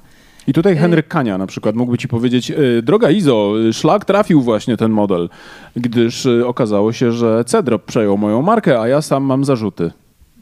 Powiem, A prezesa właśnie CBA goni do więzienia. Co zrobić? Co zrobić? Takie życie. Taki żywot. Y, Natomiast y, mm, ja na, na odbiorców nie, nie patrzę tak jednorodnie. Dla mnie to jest bardzo rozproszona grupa z wieloma potrzebami i w tej grupie znajdą się tacy, którzy chcą posiadać, ale też tacy, którzy się posiadania wstydzą, bo są mm, bardziej świadomi, bo są zaniepokojeni tym, co się dzieje klimatycznie, Uwrażliwieni na coś. środowiskowo, Mhm. uwrażliwieni i tak dalej. W związku z tym y, trudno mi znaleźć jakby jedno rozwiązanie, jak trafić i sprzedać to, co wyprodukowaliśmy w nadmiarze na przykład. Trochę się też z tym nie zgadzam światopoglądowo, jakby ja osobiście. W sensie ta nadmiarowość. Ta nadmiarowość, ten taki na, na, nad, nadpodaż. I mm, dlatego ja myślę, że w projektowaniu trochę my jesteśmy trochę bardziej y, zrównoważeni i powolni. Jakby jesteśmy tacy, y, Ja osobiście w projektach bardzo biorę pod uwagę fakt, jak rozwiązania i usługi mają być kompleksowo dobre, nie tylko dobre dla człowieka, nie tylko spełniać jego oczekiwania, ale też wychodzić trochę poza jego oczekiwania w kontekście. Przykład. E, wygoda. Kupujecie sałatę umytą, poporcjowaną w plastikowych opakowaniach. To jest świetne rozwiązanie, strasznie wygodne. Wystarczy kupić, wziąć, e, mała porcja, porcja na jednego człowieka, na, na, na dwoje ludzi, e, umyta i tak dalej. Okej, okay, w porządku. I to się jakby super sprawdzało przez jakiś czas. Natomiast dzisiaj zastanawiam się jako projektantka, okay, fajnie, wygodne, mogę to mieć na żądanie od razu gotowe do użycia, ale czy muszę za to zapłacić cenę w postaci plastikowego opakowania? I odrzutów e, w środowisku. I odrzutów w środowisku. Więc dla mnie nie jest to takie zupełnie jednoznaczne. Myślę, że trzeba w projektowaniu i komunikacji również uwzględniać bardzo wiele aspektów, również ten aspekt wstydu albo pewnego strachu, albo jakiegoś lęku, który no jednak mimo wszystko w mojej opinii jest coraz, coraz bardziej widoczny w, w, decyzjach konsumenckich. To absolutnie nie mam co do tego wątpliwości, co więcej zgadzam się i mógłbym się podpisać pod e, tym aspektem związanym z nawoływaniem do redukcji redundancji, tak mówiąc ładnie, czyli krótko mówiąc nie przesadzajmy z nadmiarowością, natomiast e, mm, ja pytałem w tym takim mhm. kontekście, e, słuchajcie, powiedzmy, że mamy wszyscy nawet szczytne idee, szczytne produkty, właściwie, które mają prawo zmienić świat, albo na przykład redukują ilość plastiku, mhm za pomocą jakiegoś produktu. Nie wiem są jak. fantastycznie zaprojektowane. E, pierwsi użytkownicy są zachwyceni oddają nam każdą złotówkę, którą posiadają i mm, e, nie chcą rezygnować dożywotnio z tak. naszego modelu. Ale udział w rynku wynosi 0,0,0000. I teraz jak zewangelizować tak wspaniałe rzeczy? E, w takim tłoku innych produktów, innych usług. Tak, i to często nawet e, porównywalnej jakości, bo to mm, ta komodytyzacja jakby kategorii, o której sobie tu dyskutujemy w wielu aspektach, ma miejsce i to jest fakt. I teraz gdybyśmy mieli naszym słuchaczom powiedzieć, jaki trend jest gdzieś tu wokół tego, to myślę, że ja porzucę coś, co być może będziemy dyskutować sobie tutaj jeszcze. Pozwolę sobie porzucić, że mm, ja kiedyś położyłem taką tezę, mm, że wszyscy, którzy prowadzą biznes w jakimś stopniu muszą stać się firmami medialnymi. I nazywam ten trend w ogóle medializacją, tak? czyli konieczność tak naprawdę myślenia nie tylko o projektowaniu usługi, co jest waszą domeną, prawda, i tam powiedzmy tych wszystkich rzeczach, w których się specjalizujecie, e, ale również trzeba tak naprawdę brać na siebie część tego obowiązku wynikającego z brania ciężaru komunikacyjnego. Ja mam na przykład często takie sytuacje, gdzie klienci do mnie dzwonią, mówią, panie Mariuszu, tak jakby dając panu obraz według na przykład y, tego, tej matrycy Pareto, czyli właściwie 80% naszego czasu to jest produkcja i procesy operacyjne, a 20% to jest ten marketing, który nam przeszkadza w rozwijaniu firmy. To znaczy nie mamy tych 20% w ogóle nawet jakby czasu na prowadzenie marketingu i to nas strasznie denerwuje. Nie chcielibyśmy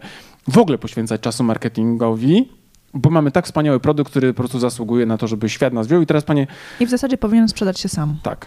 Ale no, no, tylko dlaczego ludzie o tym nie wiedzą? Tak, tylko dlaczego ludzie o tym nie wiedzą. Czyli wiecie, akcenty w postaci skupienia na fokusie, znaczy fokus taki wyłącznie operacyjno-produktowo e, mm, no, techniczny, natomiast zapominają często właśnie, że te z ich perspektywy detale w postaci tego 20% udziału w tej macierzy Pareto nie, na komunikowanie tego jest czymś, bez czego ta pozostała część w ogóle może nie zatrybić, mimo że jest na przykład fantastycznym rozwiązaniem. Zobaczcie, ile na przykład ewangelizacji produktu zajmuje się i poświęca czasu y, Mask na przykład. Nie, nie ma tygodnia, żeby nie pyknął za pomocą jakiegoś happeningu y, globalnie jakiegoś newsa. Prawda? Wydawałoby się, że ten produkt jest tak dobry, że nie będzie wymagał jakichkolwiek kretyńskich zachowań, a to nawet czasami można powiedzieć, że Mask idąc w tym performingu, no czasami idzie po bandzie, nawet jak clown, bo przecież te jego zagrywki niekiedy, zwłaszcza głupie, nieprzemyślane tweety, które jednak mają wielką zdolność przyciągania uwagi. No nie wiem, czy wiecie, wiecie, ale on ściągnął sobie Komisję Nadzoru Finansowego na web,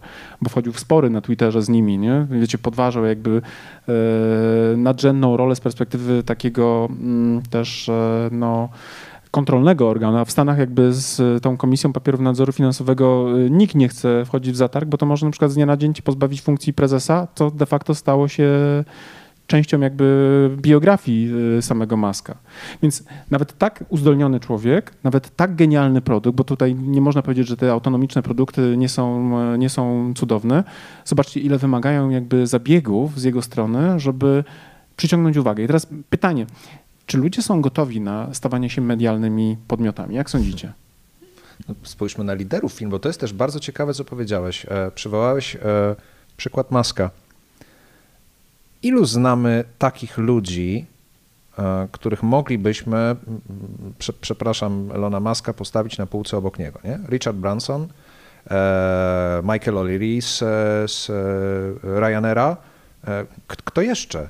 Z nieżyjących, no to na pewno Steve Jobs, wiesz, Lee Iacocca, jeśli chodzi o y, Tak. Forda na przykład, Tak, nie? ale to wciąż są pojedyncze osoby, które po prostu robią dobrą robotę dla swojej firmy, tak? czyli dla swojego produktu, dla, dla swojej usługi. Ja bym powiedział, że to są wizjonerzy, którzy mają nie tylko model operacyjny w głowie, nie tylko produkt, ale też rozumieją, że ten produkt wymaga łączności z rynkiem. I oni jakby wykorzystują wszystkie swoje zasoby. My na przykład jesteśmy w tej chwili w cyklu oglądania przyjaciół. To jest taka pora roku, że potrzebujemy pozytywnego doładowania i oglądamy sobie na Netflixie codziennie Trudno. przy, przy śniadaniu jakby, wiecie, odcineczek, nie? Z Chandlerem. I tam był taki odcinek, co oni polecieli do Londynu. Zgadnijcie, jaką linią polecieli. Virgin. Tak, no nie wiem, tam ta Virgin Airlines, czy tam jakoś tak. Y, Kto sprzedał im kapelusz, y, jak byli, wiecie, taki z brytyjskim tam, e, z brytyjską flagą? No sam właśnie Branson. Jakby wiecie, no nie znalazł tam się na pewno przypadkowo. Tak? On na pewno jakby wiedział, że to jest bardzo nośna platforma, ten serial i e, po prostu zwyczajnie prawdopodobnie było to albo zapłacone, tak, jako product placement, nazwijmy go tak szeroko, żeby znaleźć się w tak kultowym, e, wiecie, odcinku ze swoim tak naprawdę przesłaniem, ze swoją też twarzą i ze swoją marką, którą wtedy też promował. Dzisiaj takie zabiegi w Polsce zaczynają być takim szerokim sposobem. Na zasadzie nagle się okazuje, że Wojtek jest na konferencji I Love, nie dlatego pewnie, że uwielbia e, stresować się wystąpieniami, tylko dlatego, że wie, że dzięki temu na przykład jego twarz w tym środowisku zacznie być rozpoznawana, prawda? No nie, akurat w przypadku, e, w przypadku I Love to jest dla mnie e, takie wyzwanie osobiste związane tylko i wyłącznie z, tech, z technicznym wyjściem e, w środowisko, które mnie nie zna, w którym jestem obcy, w którym e, mogę się sam e, sprawdzić. Więc to jest akurat w przypadku I Love, to jest moja e, druga ścieżka, ale zgadzam się, tam mogą się pojawić szefowie firm, którzy mogliby wykorzystać ten moment do tego, żeby fantastycznie popromować markę swojej firmy, swojego produktu, swojej usługi. Tak, tak. Nie robią tego dla pieniędzy. Krótko mówiąc, ta, ta, ta, ta E, strona Michał budżetu... Sadowski się po- pokazuje na I Love Marketing i on to właśnie robi. Tak, Sadowski w ogóle a propos takich personal brandingowych zachowań, no to jest doskonały przykład, jak w małej skali, bo to powiedzmy polski rynek i super startup, jeśli mówimy o małą skalę, to daje Panie Boże mieć e, firmę, która ma kilkudziesięciu ludzi i jest e, e, kapitalizacja i tam wynosi już kilkadziesiąt milionów według, e, według e, tam informacji, które można wyczytać na giełdzie. Ale to naprawdę jest mała skala, nie? Tak? To znaczy Brand24 to nie jest jakiś, wiecie, startup, e, mimo że jest o ambicjach globalnych, to to na przykład trudno porównać do, do, do właśnie, nie wiem, Tesli czy innych tego typu e, mega brandów. Aczkolwiek mechanizm właśnie, e, gdzie rozumiemy, że ta medialna strona jest równie konieczna jak strona techniczna oferowanej usługi, tutaj myślę, że jest bez wątpliwości, nie? Czy ja mam takie, wiecie, ja się trochę zastanawiam, bo czy dla mnie y, ważniejszy jest ten, kto głośniej krzyczy? Nie wiem, to jest... y, Ta, to, y, wizjonerstwo tak, bardzo szanuję wizjonerstwo. Jest ono dla mnie ważne, ono wyznacza pewne kierunki. To są odważni ludzie, którzy mówią niepopularne rzeczy, które mówią rzeczy, które nam się dzisiaj wydają zupełnie nieoczywiste, niemożliwe i tak patrzą dalej, patrzą szerzej, widzą głębiej. Natomiast y, z drugiej strony zawsze myślę sobie, tak, i to znowu od- odzywa się y, moje podejście, super, tylko to wszystko musi być dowiezione. Tak, absolutnie. Tak, tak. tu Jeżeli tam w zgoda. środku Tak. nie będzie Jest. No mechanizmu, tak, który tak. będzie super naoliwiony, który będzie super bezpieczny w kontekście na przykład między innymi danych, to ten krzyk, ta, to, to, to, to bycie tą taką, no nie chcę powiedzieć To jest papugą, pusta- ale pusta to, to wydmuszka. To, to, to Tak. nie wystarczy. Tak, tu się zgadzamy, nie? Że, bez pokrycia.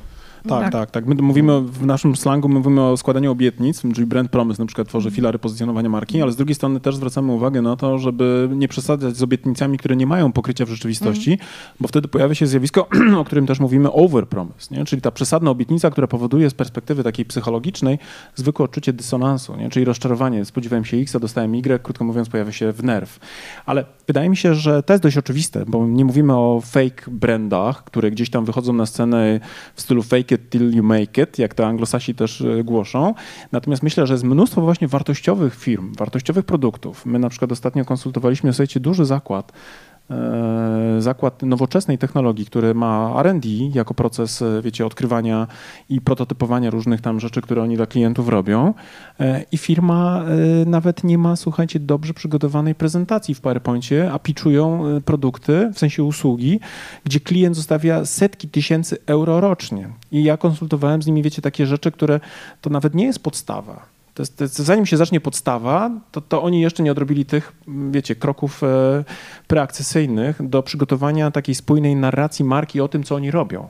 Wiesz, ale ja muszę powiedzieć, że osobiście lubię takie nie, niedokończone rozwiązania. Lubię takie chropawe rzeczy, które są. To jest świetny klient. To jest świetny klient. po prostu z tych przepięknych, wymuskanych slajdów i wyuczonych prezentacji i wow, w ogóle jakichś liderów, którzy świetnie się prezentują, i nagle pojawia się taki taki, taki, taki brylancik, który ma do kitu slajdy, który prezentuje w jakiś tam nieoczywisty albo niemedialny sposób, to mnie to osobiście łapie.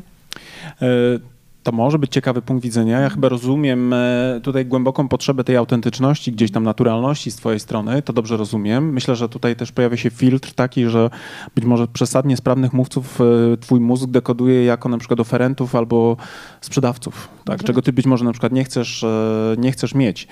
Ale ja myślę sobie, że to byłoby niebezpieczne rozgrzeszanie tych wszystkich ludzi, którzy uważają, że sam produkt wystarczy, aby się sprzedał sam. Nie.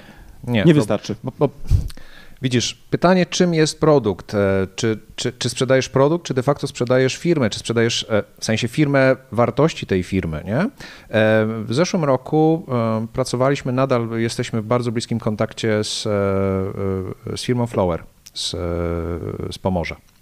Oni są w zasadzie w Gdyni i ich szef Maciej Głogowski to jest właśnie człowiek, e, który na mnie wywarł bardzo duże e, wrażenie. To jest człowiek, który nie mówi o swoim produkcie, li tylko. Nie mówi o tym, jak fantastyczne są te produkty. Oni zajmują się systemami wentylacyjnymi. To jest całkowicie B2B mm, e, mhm. w tej chwili segment. On mówi o energii z jednej strony, o tym, jak będzie wyglądało zarządzanie energią, jak będzie wyglądał rozwój energii w przyszłości z jednej strony, Czyli bardzo mocno koncentruje się na takim foresightie i mówi o tym, ale z drugiej strony mówi również o środowisku pracy w firmie. E, to jest jedna z tych firm, które są zafascynowane tą koncepcją turkusowych e, organizacji i on o tym mówi. I wiecie, i, i jest link e, do, do, gdzieś wrzucałem link do konferencji, na której on się wypowiadał. To była konferencja twarda, dla, dla jego potencjalnych klientów. On nie mówił o tym, jak fantastyczne są jego produkty, w ogóle kupcie mój produkt, tylko on, no, ja to też czytam tak, że to, to, to w pewnym sensie jest rozwinięcie koncepcji Sinka. On mówił o swojej firmie, o tym, dlaczego ją prowadzi i w którą stronę chce ją prowadzić i jaką ma wizję. E, zupełnie inny sposób narracji, kompletnie niepolski, to jest komplement. Mhm. Więc takie osoby są. E, wy może nie znacie e, tego nazwiska, nie siedzicie tej branży. W tej branży być może to nazwisko jest bardzo znane, mm, e, ale mam wrażenie, że pierwsi, pierwsi szefowie firm, pierwsi właściciele firm, zarządzający tymi firmami, zaczynają się również na rynku pojawiać. Może jeszcze to nie jest Richard Branson jeden z drugim, ale, ale takie osoby już są. Ja myślę, że to jest właśnie bardzo cenne, co powiedziałeś, że e, ta narracja musi wyjść z poziomu, z tego zaszufladkowania na takiej, wiecie, hałturze sprzedażowej. Ja nienawidzę w ogóle takich konferencji, gdzie obiecują ci e, właśnie cudowne tytuły, że dowiesz się jak coś tam, a potem się okazuje, że tak dowiesz się ile kosztowała na przykład, nie wiem, ta patelnia. To mhm. oczywiście żartuję, ale myślę, że rozumiemy ten model. A uwielbiam sytuację, w której tak naprawdę ty myślisz sobie, słuchając dobrej opowieści, e, rozumiejąc kontekst, w jakiej ta narracja się pojawia, że ten produkt który został wzmiankowany, być może jest produktem dla ciebie. Mhm. To znowu wchodzimy w coś, co my nazywamy tak naprawdę e, marketingiem treści, który jest mądrze osadzony oczywiście e, w tym, żeby no, nie zapomnieć, o czym jest ta marka i co ma na celu, nie? bo umówmy się, że na koniec dnia dla każdego biznesu liczy się, ile sprzedałeś. Natomiast jeżeli jesteś napędzony wyłącznie przez pryzmat myślenia o, o biznesie, jako o tym, jak upchnąć ludziom produkt, tak, którego oni w tym momencie nie chcą, to być może właśnie po drugiej stronie pojawia się ten tak zwany wyżyk już przesadą, wiecie, przesytem tej, tej rodzaju narracji. Natomiast na takie opowieści, o których mówi Wojtek, czyli takie, które patrzą w przyszłość, analizują trendy, wynikające z tego na przykład e, wnioski i dające przy okazji rozwiązanie To jest dokładnie to, czego chcemy słuchać i czym się nie nudzimy, bo to jest, e, wydaje mi się, że ten rodzaj właśnie tej sfery medialnej, który zahacza o e, to, co jest istotą tego wszystkiego. Dawanie ludziom rzeczy, które ich interesują, są potrzebne, ale w sposób, który jest strawny, nie? Mhm. który psychologicznie nie powoduje wysilenia poznawczego. Bo wszystkie prezentacje sprzedażowe, jak pewnie macie wszyscy już do czynienia z nimi, zwłaszcza w telemarketingu obecny. Dzień dobry, nazywam się Janina Kowalska. Ale nie tylko strawny, on jest nawet, bym powiedział, Inspirujący. Dalej, inspirujący, Tak, wciągający. Tak. Wiecie, na przykład w wartościach naszej marki mamy wpisaną na przykład jedną z wartości, która polega na właśnie, uży, użyliśmy do, dokładnie frazy inspiracja. Cokolwiek robimy, musi ludzi inspirować. Tak? I wtedy tak naprawdę, kiedy ich inspirujemy, to oni nie mają sprzedawane. Oni co? Zaczynają sami kupować. I to jest fantastyczny rodzaj transformacji. W ogóle transformacja jest w centrum naszych wartości. Nie? Czyli proces współpracy z klientami ma ich transformować do jakiegoś tam poziomu. My to później wyrażamy tym naszym e, powiedzonkiem, e, które można też nazwać platformą komunikacji, wyższy poziom marketingu. Nie? Ale właśnie poukładane te rzeczy w sposób dobry, sprawny i taki, wiecie, skuteczny prowadzi do sytuacji, w której taki prezes, o którym ty mówiłeś, może wyjść na scenę, walnąć inspirującą prezentację i nie sprzedając, sprzedawać. Nie? No dobrze, ale tutaj mówimy o medializacji, która tak naprawdę wyraża się personal brandingiem osób odpowiedzialnych za. To jest jeden aspekt. e, No właśnie, to jest jeden aspekt, bo tutaj mówiliśmy o tych osobach, które świecą swoją twarzą i preze- reprezentują brandy, ale w jaki inny sposób firmy mogą tak naprawdę e, w tym trendzie medializacji się wykazać? To jest w ogóle bardzo trudne, bo zobaczcie, ja słucham takiego podcastu e, PNR Roberta Rosa i Joe Pulisiego. To są w ogóle goście od Content Marketing Institute. To są no, tacy goście, którzy wprowadzili do obiegu w ogóle frazę marketing treści, czyli content marketing. E, I oni bardzo często uważają, że w ogóle problem jest dzisiaj z dostępem do e, publiczności. Tak? Że marki, które e, wpadają w bańkę algorytmów, a które są niszowe, będą miały gigantyczny problem z dotarciem do, do odbiorców. Tak, to jest dość naturalne. Zobaczcie, co się dzieje. Jakie treści najczęściej się niosą na internecie? Jak sądzicie? Jakby wysublimowane, intelektualnie, merytoryczne, twarde? Słodkie kotki. Heheszki. heheszki, słożkie koszki, a ostatnio dyskutowaliśmy o patostreamerach, prawda? Że to są rzeczy, które się, wiecie, niosą jak e, szalone. Algorytmy wspierają tego typu rzeczy, ponieważ to jest prosta mechanika. Jeżeli coś się klika, jeżeli coś przyciąga uwagę, jeżeli ludzie są w danym medium, to tak naprawdę poziom tego kontentu y, jest dla algorytmu obojętny. Liczy się czas spędzony na użytkownika w danym konkretnym medium, dzięki czemu oni są w stanie monetyzować więcej na przykład ruchu y, reklamowego. I to jest cała filozofia.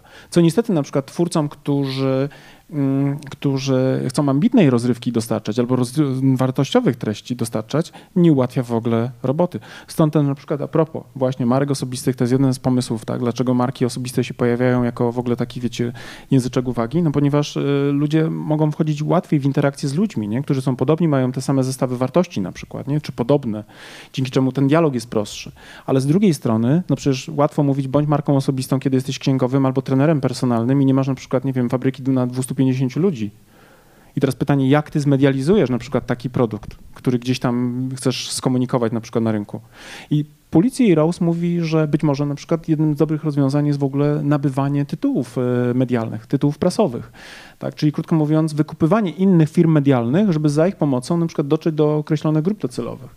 Bo mnie to czasami na przykład bawi, jak ludzie myślą sobie, mam właśnie dobry produkt i teraz teraz wystarczy, że wrzucę na przykład za 200 zł posta na Facebooku, w sensie wiesz, tyle dołożę do promowania danego posta i ta fabryka, która zatrudnia 250 ludzi, wykreuje popyt na te fabryki, na te, wiecie, urządzenia i rozwiązania w wystarczającym stopniu, co jest absolutnie nonsensem, nie? Bang. No, bang, będzie bang. tak, to absolutnie tak nie działa. Ta, ta fabryka, o której mówiliśmy wcześniej, ci goście, którzy mówili, że mają tylko te cholerne 20%, brakuje im czasu i nie mają ochoty na tworzenie jakby założeń strategicznych i później komunikowania, to są goście, którzy właśnie w, jakby w briefie napisali, że mają e, 2000 zł miesięcznie na Facebooka.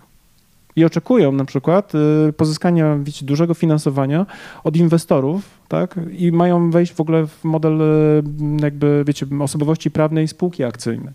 Tak? A wydają 2000 na na przykład acy na fejsie, nie? Firma. To jest w ogóle ciekawe. Rozumiemy, nie? Czy takie myślenie kiedykolwiek w Polsce się skończy? Czy kiedyś myślałem sobie, a niech kilka firm upadnie, niech to będą spektakularne upadki i niech e, kilkadziesiąt osób każdorazowo zrobi analizę, dlaczego te firmy upadły i między innymi wskaże również taki obszar. A dzisiaj sobie myślę, czy to nie jest tak, że jak te firmy upadną, to będą obwiniały wszystkich, Tylko nie y, własne myślenie o zarządzaniu strategicznym y, y, marką, którą oni są, bo Tak. nie postrzegają siebie. Wiesz co, ja mam na to teorię. Ja mam na to teorię, którą, bo to mi jest bliskie i ja uważam, że ten temat będzie nam tak często w Polsce, w Polsce występował, jak duża część biznesu będzie w łańcuchu dostaw. Jeżeli jesteś w łańcuchu dowca, dostaw, zwłaszcza działający w modelu B2B, to ci ludzie nie myślą o komunikacji masowej, tylko myślą o jednym jeszcze kliencie, który da na przykład im zamówienie na cztery wagony naszego produktu y, miesięcznie. Tak, oni myślą w kategorii, proszę pana, ja nie chcę wydawać na marketing, ja po prostu chcę jednego klienta, który weźmie ode mnie w, na 36 wagonów na przykład. Rozumiecie, prawda? Więc myślą w kategorii e, sprzedaży bezpośredniej, kontaktów personalnych na przykład na jakichś eventach, na jakichś konferencjach, e, być może na jakichś targach, ale nie myślą w kontekście o tego, okej, słuchajcie, być może e, na przykład trzeba przemodelować w ogóle to, co robimy, być może potrzebujemy własnej tuby, która sprawi, że świat się o nas dowie. Wspomniałem o Kani. Znacie Henryka Kani, jakby zakład mięsny? Wiecie, że oni splajtowali, nie? Tak, tak. tak? Henryk Kania poszedł w skalę, bo myślał, że to jest rozwiązanie problemów Tak. do biznesu. Miliard obrotu rocznie, to jest potężna kwota, umówmy się, to jest jakby kupa kasy. Ale wiecie, na jakiej marży Kania pracował? No, 1,2%. Z artykułu, w którym w Business Insider podał, wynikało 1,2%, a koszty, słuchajcie, obsługi finansowej miał na poziomie tam bodajże 80 milionów e, rocznie. Czyli de facto zysk operacyjny z, tych, z tej marży 1%, ale de facto i tak popadali w zadłużenie, ponieważ koszt obsługi lewarowanego kredytu na to, żeby funkcjonować, zjadał im zyski, nie? Pracowaliśmy z jednym producentem z innej branży, ale dokładnie ta sama sytuacja była. I on się zastanawiał. On przyszedł do nas i mówi tak: Chciałbym stworzyć swój brand, bo, no, krótko mówiąc, sieci mnie dociskają Tak. i moja marża y, się rozpływa gdzieś. Tak. Nie? Więc dostarczam tirami swój, e, swój produkt. No ale co z tego, jak po drugiej stronie jest kupiec, który do mnie dzwoni i mówi: Słuchaj, następnym razem jest taka sytuacja, że właśnie się zgłosiła do nas firma słowacka e, i oni tam nam proponują, tam nie wiem, grosz mniej na, na, Tak. na tym. Czy, czy mógłbyś też to zrobić? I on się zastanawiał, czy nie wejść w swój produkt, czy nie budować marki od samego początku. I teraz z naszej perspektywy miał ku temu wszelkie predyspozycje. Nawet do tego stopnia, że e, widać było bardzo silną taką myśl techniczną, taką, taką prawdziwą inwentykę. No krótko mówiąc, tak jak nasi ojcowie robili rzeczy z niczego i budowali maszynę. e, Izy ojciec opatentował maszynę do skubania kur, dlatego na, nie, dlatego Dlatego na, nie mięsa, mięsa tam i nie je. No tak, ale historia inżyniera, inżyniera Bernała jest bardzo, bardzo jakby żywa w w Dobre nazwisko, takie niemieckie w rodzinie. Polsce, Tak, jeśli tak, chodzi o tak, park tak. maszynowy, to musiało iść jak burza. No więc tam też to było, w tym sensie, że jak wchodziliśmy na park maszynowy, widzieliśmy własne maszyny, przez siebie zrobione, własna konstrukcja i własna myśl technologiczna, słuchajcie. E, tam byli ludzie, tam były zakłady i tam była znajomość produktu dogłębna, fantastyczna. Tylko nie było znajomości e, klienta, nie było znajomości rynku, była duża obawa przed rynkiem. Dlaczego? Bo na nigdy tego sami nie Bo robili. nigdy tego sami, to znaczy robili to kiedyś, kiedyś, kiedyś, a potem przyszły zlecenia B2B. Tak. Nie? Więc zaczęli robić B2B. I oni dzisiaj co robią? Produkują więcej, pewnie nadal w tym samym modelu. Bingo. Tak jest. Dlaczego? Dlatego, że z jednej strony, no nie wiem, być może nie było odwagi, być może był duży właśnie, duży lęk przed, przed konsumentem, przed rynkiem, przed tym, że faktycznie będą skazani na, e, na, na taką samą dystrybucję, czyli na rozmowy z tymi samymi kupcami. Być może nie było myślenia o innych kanałach dystrybucji, ale mam wrażenie, że ten problem Polski, czy Polskę zaczyna dotykać i to Tak. dotykać naprawdę. My kiedyś byliśmy centrum, zapleczem produkcyjnym e, Europy, niemieckim zapleczem produkcyjnym w niektórych branżach. Automotive jest klasy, dokładnie klasycznym przykładem jesteśmy nadal. Nie ma u nas tego myślenia, e, odważę się, zrobię pierwszy krok, spróbuję, poeksperymentuję. Tak, wiecie co, ja myślę, że to wynika przede wszystkim z krótkiej perspektywy czasowej. Tak, I stąd przychodzą budżety po 2000 zł na Facebooka. Tak jest. Przy dużej firmie. Przy dużej firmie. Zgadzam się i się nie zgadzam ponownie, bo są obszary, w których e, jest e, dużo odwagi, na przykład branża kosmetyczna, która e, Ale to jest branża, a propos, tu, tu masz absolutnie rację, tu mamy świetne wyjątki od tej reguły, bo tutaj na przykład dr Irena Eris, świetny brand, który Tak. sama jakby buduje, prawda? I wiele innych marek, e, nawet generycznych, które gdzieś tam próbują świecić twarzą właścicielek mikrobiznesów, o których pewnie tutaj wszyscy jakby nawet razem nie potrafimy powiedzieć, ale my sami znamy, ja mam na przykład na szkoleniach często dziewczyny z branży kosmetycznej, które wypuszczają swoje linie kosmetyków. Tak. oczywiście I za pomocą na przykład różnych tam platform społecznościowych je bardzo sprawnie dystrybuują. Słuchajcie, byłem. Więc w kosmetologia w Polsce, przepraszam, Tak. to jest wyjątek od pewnej reguły, która niestety jest taka, jak też Wojtek ją tutaj e, opisał. Tak, zgadzam się, ale to jest wyjątek i to nie jest tak, że jeżeli pewne rzeczy dzieją się w jednym obszarze, to one nie będą, nie będą rezonowały na inne obszary. To będzie się działo może y, wolniej, to będzie wymagało więcej Taka dyfuzja ofiar. trochę, nie? Tak, ale jeżeli zaczynają się pewne sygnały pojawiać w jakichś małych, być może z naszej perspektywy mniej istotnych, mniej sexy branżach, to one później jednak mimo wszystko konsument zaczyna widzieć, konsument zaczyna widzieć, że, że dzieje się coś ciekawego, że może wywierać wpływ na to, co, co będzie kupował, co będzie wybierał. I tak naprawdę dzisiaj to nie biznes wyznacza zmiany, tylko to konsument No wyznacza dobra. zmiany. Tak, tak, Tylko, że z o kolei tym też- biznes, tak, Ma- Mariusz, my mówimy Tak. o tym, ja, ja mówię o tym, żeby te firmy się odważyły. tak, myślę, że sobie w Tłuczesz kategoriach... 99% produkcji dla, do B2B, spoko, Tak, tak. Ale spróbuj zacząć eksperymentować, spróbuj zacząć próbować, Tak. wypuść jakiś produkt rynek. Dywersyfikuj źródła na przykład dotarcia do grupy docelowej. Kania na przykład upadł i to on też podawał, to nie jest moja spekulacja, tylko on podawał w artykule, upadł, bo nie miał własnej dystrybucji. On kilkanaście lat temu, jak przejął stery po ojcu, zdecydował, że będzie pracował właśnie na wolumenach. I on myślał sobie, że wolumen uczyni go potentatem. On jeszcze w 2018 roku na swojej stronie internetowej pisał, że jest liderem w kategorii. E, A to był wybór właśnie, strategia wolumenowa. Tak? Niska cena, wolumenowo ogarniamy tematy, a z drugiej strony nigdy nie pomyślał o tym, jak uniezależnić się na przykład od e, dostępu do rynku poprzez budowę własnego, własnej sieci. I jeśli on czegoś żałował w tym artykule, to właśnie tego, że nie postawiłem na budowę własnej dystrybucji, bo poszedłem najprostszą ścieżką. Kupić maszynę było prosto. Ale Rozumiecie, nie? tak. Maszynę, zamówić tusze te tam wołowe czy tam e, wieprzowe i przerabiać to na kiełbaskę, tak? Mało, mało, mało tego. To jest właśnie, czasem- przepraszam, to, to nie chcę się martwić tym gównianym 20% marketingiem, w związku z tym skupię się na tym, na czym się znam, czyli na procesach operacyjnych, a potem po 10 latach mówi o czym? Żałuję, że nie postawiłem na marketing, który między innymi zawiera właśnie sposoby dotarcia do grupy docelowej, nie? E, e, Będę przywoływał z pamięci rozmowę, którą słyszałem, polski Mhm. producent rowerów, Cross. Mhm. E, To, to, jest też do, to jest dobry przykład po- postawienia się rzeczywistości, powiedzenia nie, ja pójdę własną drogą. Tak. Przecież tam była taka sytuacja, że, że te rowery były produkowane dla jednej z marek e, retailowych, e, zagranicznych.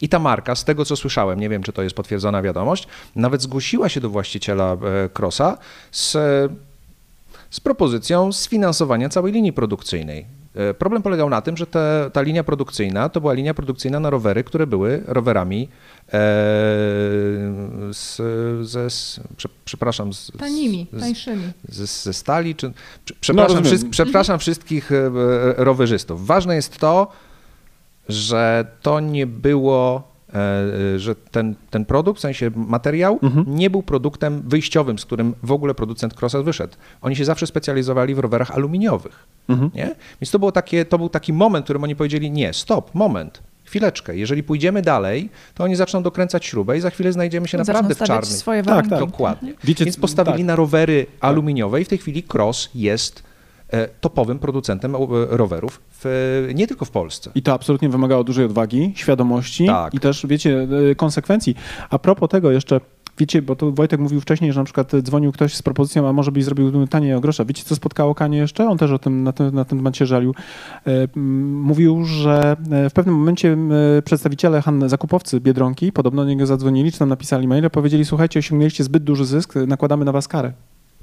Tak, bo umowy z tymi sieciami sklepów są właśnie tak skonstru- skonstruowane, że swoim dostawcom mogą nakładać kary za zbyt wysokie zyski, które osiągają. Przecież to jest pańszczyzna, nie? Wyobrażasz sobie, że na przykład Wojtek jest albo wy razem mnie, albo my wszyscy i nasz klient do nas dzwoni, mówi Pani Izo, y, przemyślałem sobie i dosz, doszedłem do wniosku, że zarabia Pani za dużo na obsłudze mojej firmy.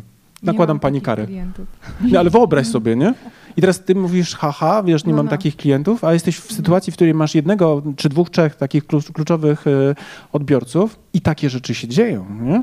Kiedy właśnie brakuje czasami na etapie strategicznego myślenia o rozwoju biznesu, o tym, czy właśnie ta marka, na przykład właściciela, nie powinna być dobrem i srebrem rodowym, czy tam powiedzmy tym takim precjozum, które będzie dla nas podstawą do tworzenia własnych właśnie sposobów dotarcia. Wiecie, co był jednym z kluczowych rozwojowych elementów y, Apple'a? No właśnie postawienie Apple y, Store'ów.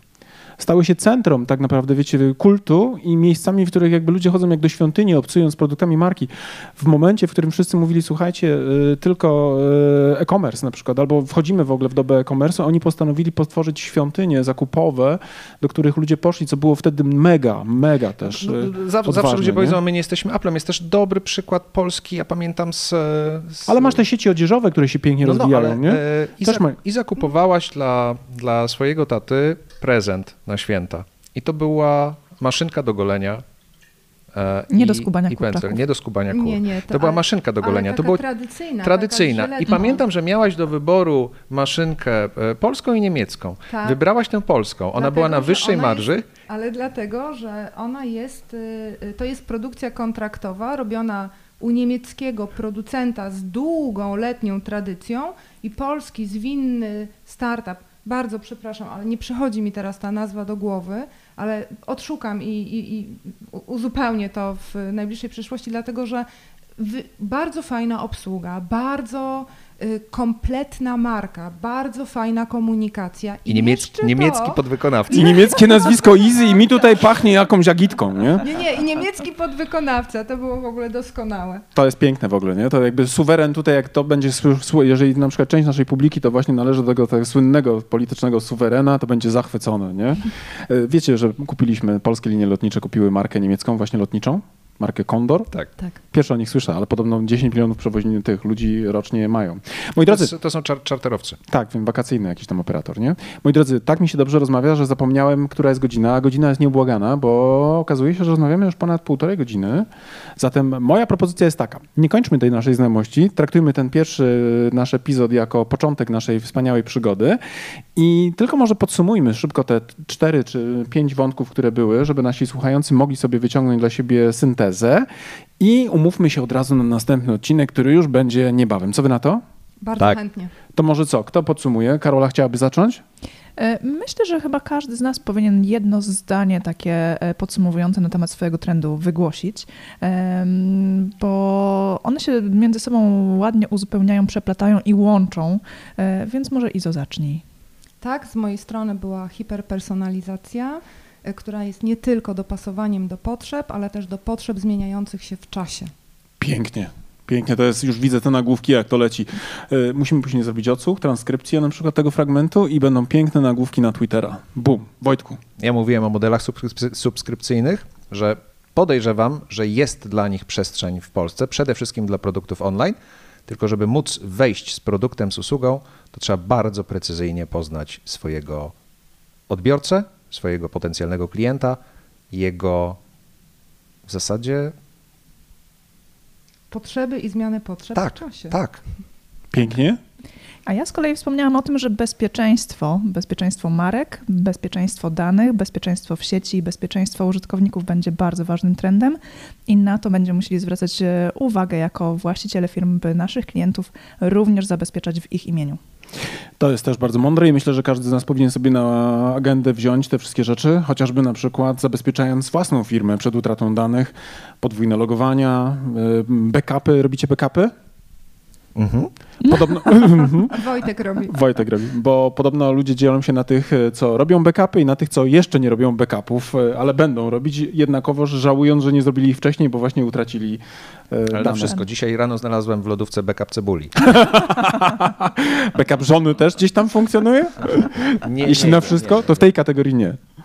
A ja pozwolę sobie powiedzieć, że e, spośród tych czterech fragmentów, które chciałem wam dzisiaj zasygnalizować, mówiłem tylko jeden, ten aspekt medialny, e, bo wydawał mi się najbardziej taki spójny z tym, o czym rozmawialiśmy, ale myślę, że to w przyszłości jeszcze sobie dookreślimy pozostałe aspekty przy różnych dyskusjach i e, skonkluduję to w ten sposób. Uważam, że samo produkowanie, czy też świadczenie, czy też opracowanie usługi jest fundamentem, od tego wychodzimy i tutaj to jest bezsprzeczne, natomiast myślę, że bardzo dużym wyzwaniem będzie przed wszystkimi osobami, uczestnikami rynku rynku, właścicielami biznesu, właścicielami marek, e, skomunikowanie, utrzymanie dobrej relacji, więzi, lojalizowanie w ten sposób też e, odbiorców za pomocą różnych formatów, chociażby na przykład jak ten podcast, który jest właśnie też w tym celu robiony, po to właśnie, żeby ta medialna strona naszych osobowości, które gdzieś tam e, stoją za naszymi brandami, wybrzmiała i umożliwiła nam dotarcie do waszych serc i umysłów. I to chyba jest też dobre podsumowanie. Co, kupiłaś to, Izo? Jak najbardziej. No, bo to jesteś... Ale Naj... No. Nie za drogo. Nie za drogo, nie za drogo. 500. Dobrze. Moi drodzy, to e, na ten moment chyba, czy ktoś by chciał coś dodać? Nie? Mamy, mamy, mamy konkluzję? Tak? Mamy konkluzję. To w takim razie co? Dziękujemy wam drodzy, że byliście z nami. Dziękuję Izo. Dziękuję Wojtku. Dziękujemy. Dziękuję tobie Karolino, że tak pięknie to wszystko technicznie i merytorycznie ograłaś. Dziękujemy Ci, Mariuszu, że tak pięknie to pomoderowałeś. No, trzymaj się tej kobiety. Rozumiem, czemu wybrałeś, dlaczego wybrałeś, ale trzymaj się, nie zmieniaj.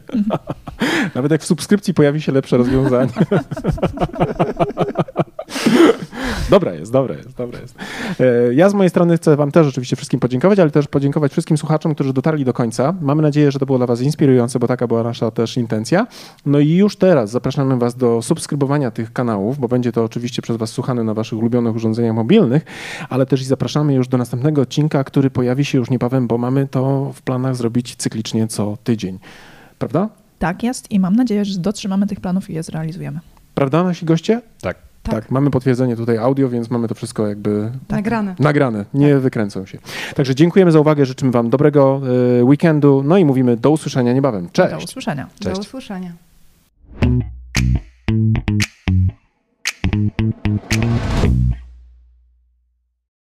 No dobra, to na tyle w dzisiejszym odcinku wyższego poziomu marketingu. A teraz pozwólcie, drodzy słuchacze, że powiemy Wam, dlaczego warto pójść na następny poziom, czyli skorzystać z naszego kursu ABC Strategii Marki. Tak, bo jak wiecie, to po pierwsze macie już do niego kod rabatowy 15%, a po drugie ten kurs i wiedza z niego pozwoli Wam wejść na wyższy poziom marketingu z Waszą marką i dzięki niemu opracować strategię dla Waszej marki. I to jest oczywista oczywistość, prawda? Tego byśmy nawet nie musieli mówić, gdyż już na pewno wiecie. Natomiast to, co nie jest pewnie dla Was jasne, to to, z jakich elementów składa się ten kurs, prawda? Pierwszy taki, najważniejszy, od którego zawsze wychodzimy, który, uwaga, jest najmniej pewnie spektakularny, no bo wiąże się przede wszystkim z tą robotą w okopach, czyli analizą, prawda? To jest ten pierwszy obszar, który jest naprawdę niezwykle istotny. Dzięki naszemu kursowi APC Strategii Marki będziecie wiedzieli, jak zrobić badanie marketingowe, które pozwoli Wam określić to, co nazywamy fachowo consumer insightem, czyli insightem konsumenckim, albo inaczej mówiąc po polsku, po prostu tak jak należy, patriotycznie, co jest potrzebą konsumenta. Tak, ale też e, ten kurs pozwoli Wam przejść do drugiego etapu, czyli etapu strategicznego i opracować strategię Waszej marki, czyli znaleźć też unikalne pozycjonowanie dla Waszej marki. No oczywiście jak to zrobić, dowiecie się z kursu, natomiast zaręczam wam, że ta wiedza, która jest w tym kursie przedstawiona, zdecydowanej większości z was pozwoli naprawdę zdystansować się od waszych konkurentów i po prostu zwyczajnie zarabiać więcej. A skoro już będziecie wiedzieli, jakie macie unikalne pozycjonowanie przyjąć dla waszej marki, to też z, z naszym kursem dowiecie się, w jaki sposób docierać do waszych odbiorców, by w ich umysłach zbudować właśnie to odpowiednie pozycjonowanie.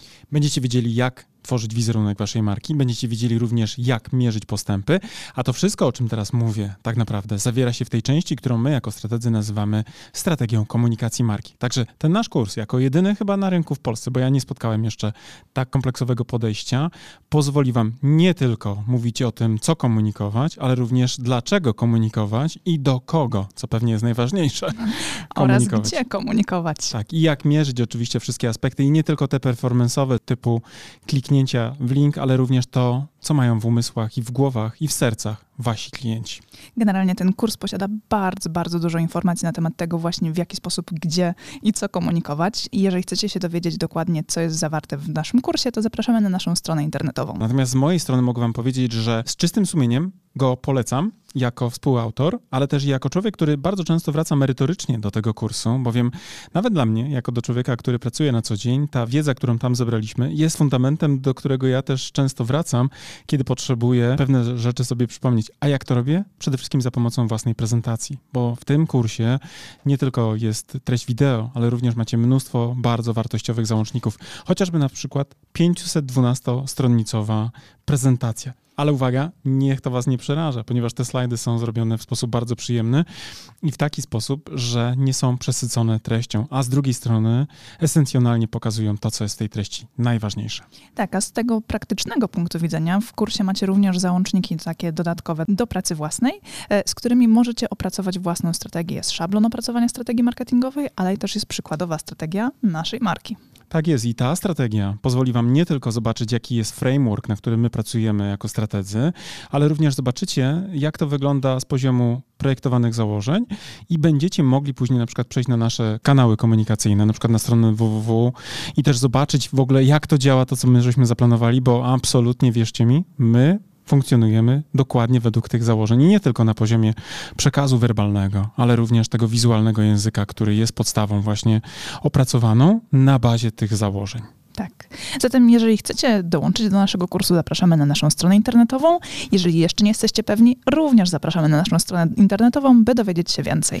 Bo być może my was nie przekonujemy jako autorzy, bo pewnie jesteśmy trochę nieobiektywni, ale jeżeli potrzebujecie jakiegoś dodatkowego głosu, to posłuchajcie i też poczytajcie opinie ludzi, którzy wzięli w tym kursie udział, bo myślę, że oni są faktycznie najważniejsi jako prawdziwi, z krwi i kości uczestnicy. A z mojej strony też powiem, że ten kurs jako narzędzie takie merytoryczne, merytoryczny naprawdę pozwoli Wam wprowadzić Wasze marki na wyższe poziomy marketingu. To Wam gwarantuję już teraz. Trzymamy za Was kciuki. Do zobaczenia. Cześć. Do zobaczenia w kursie. Cześć.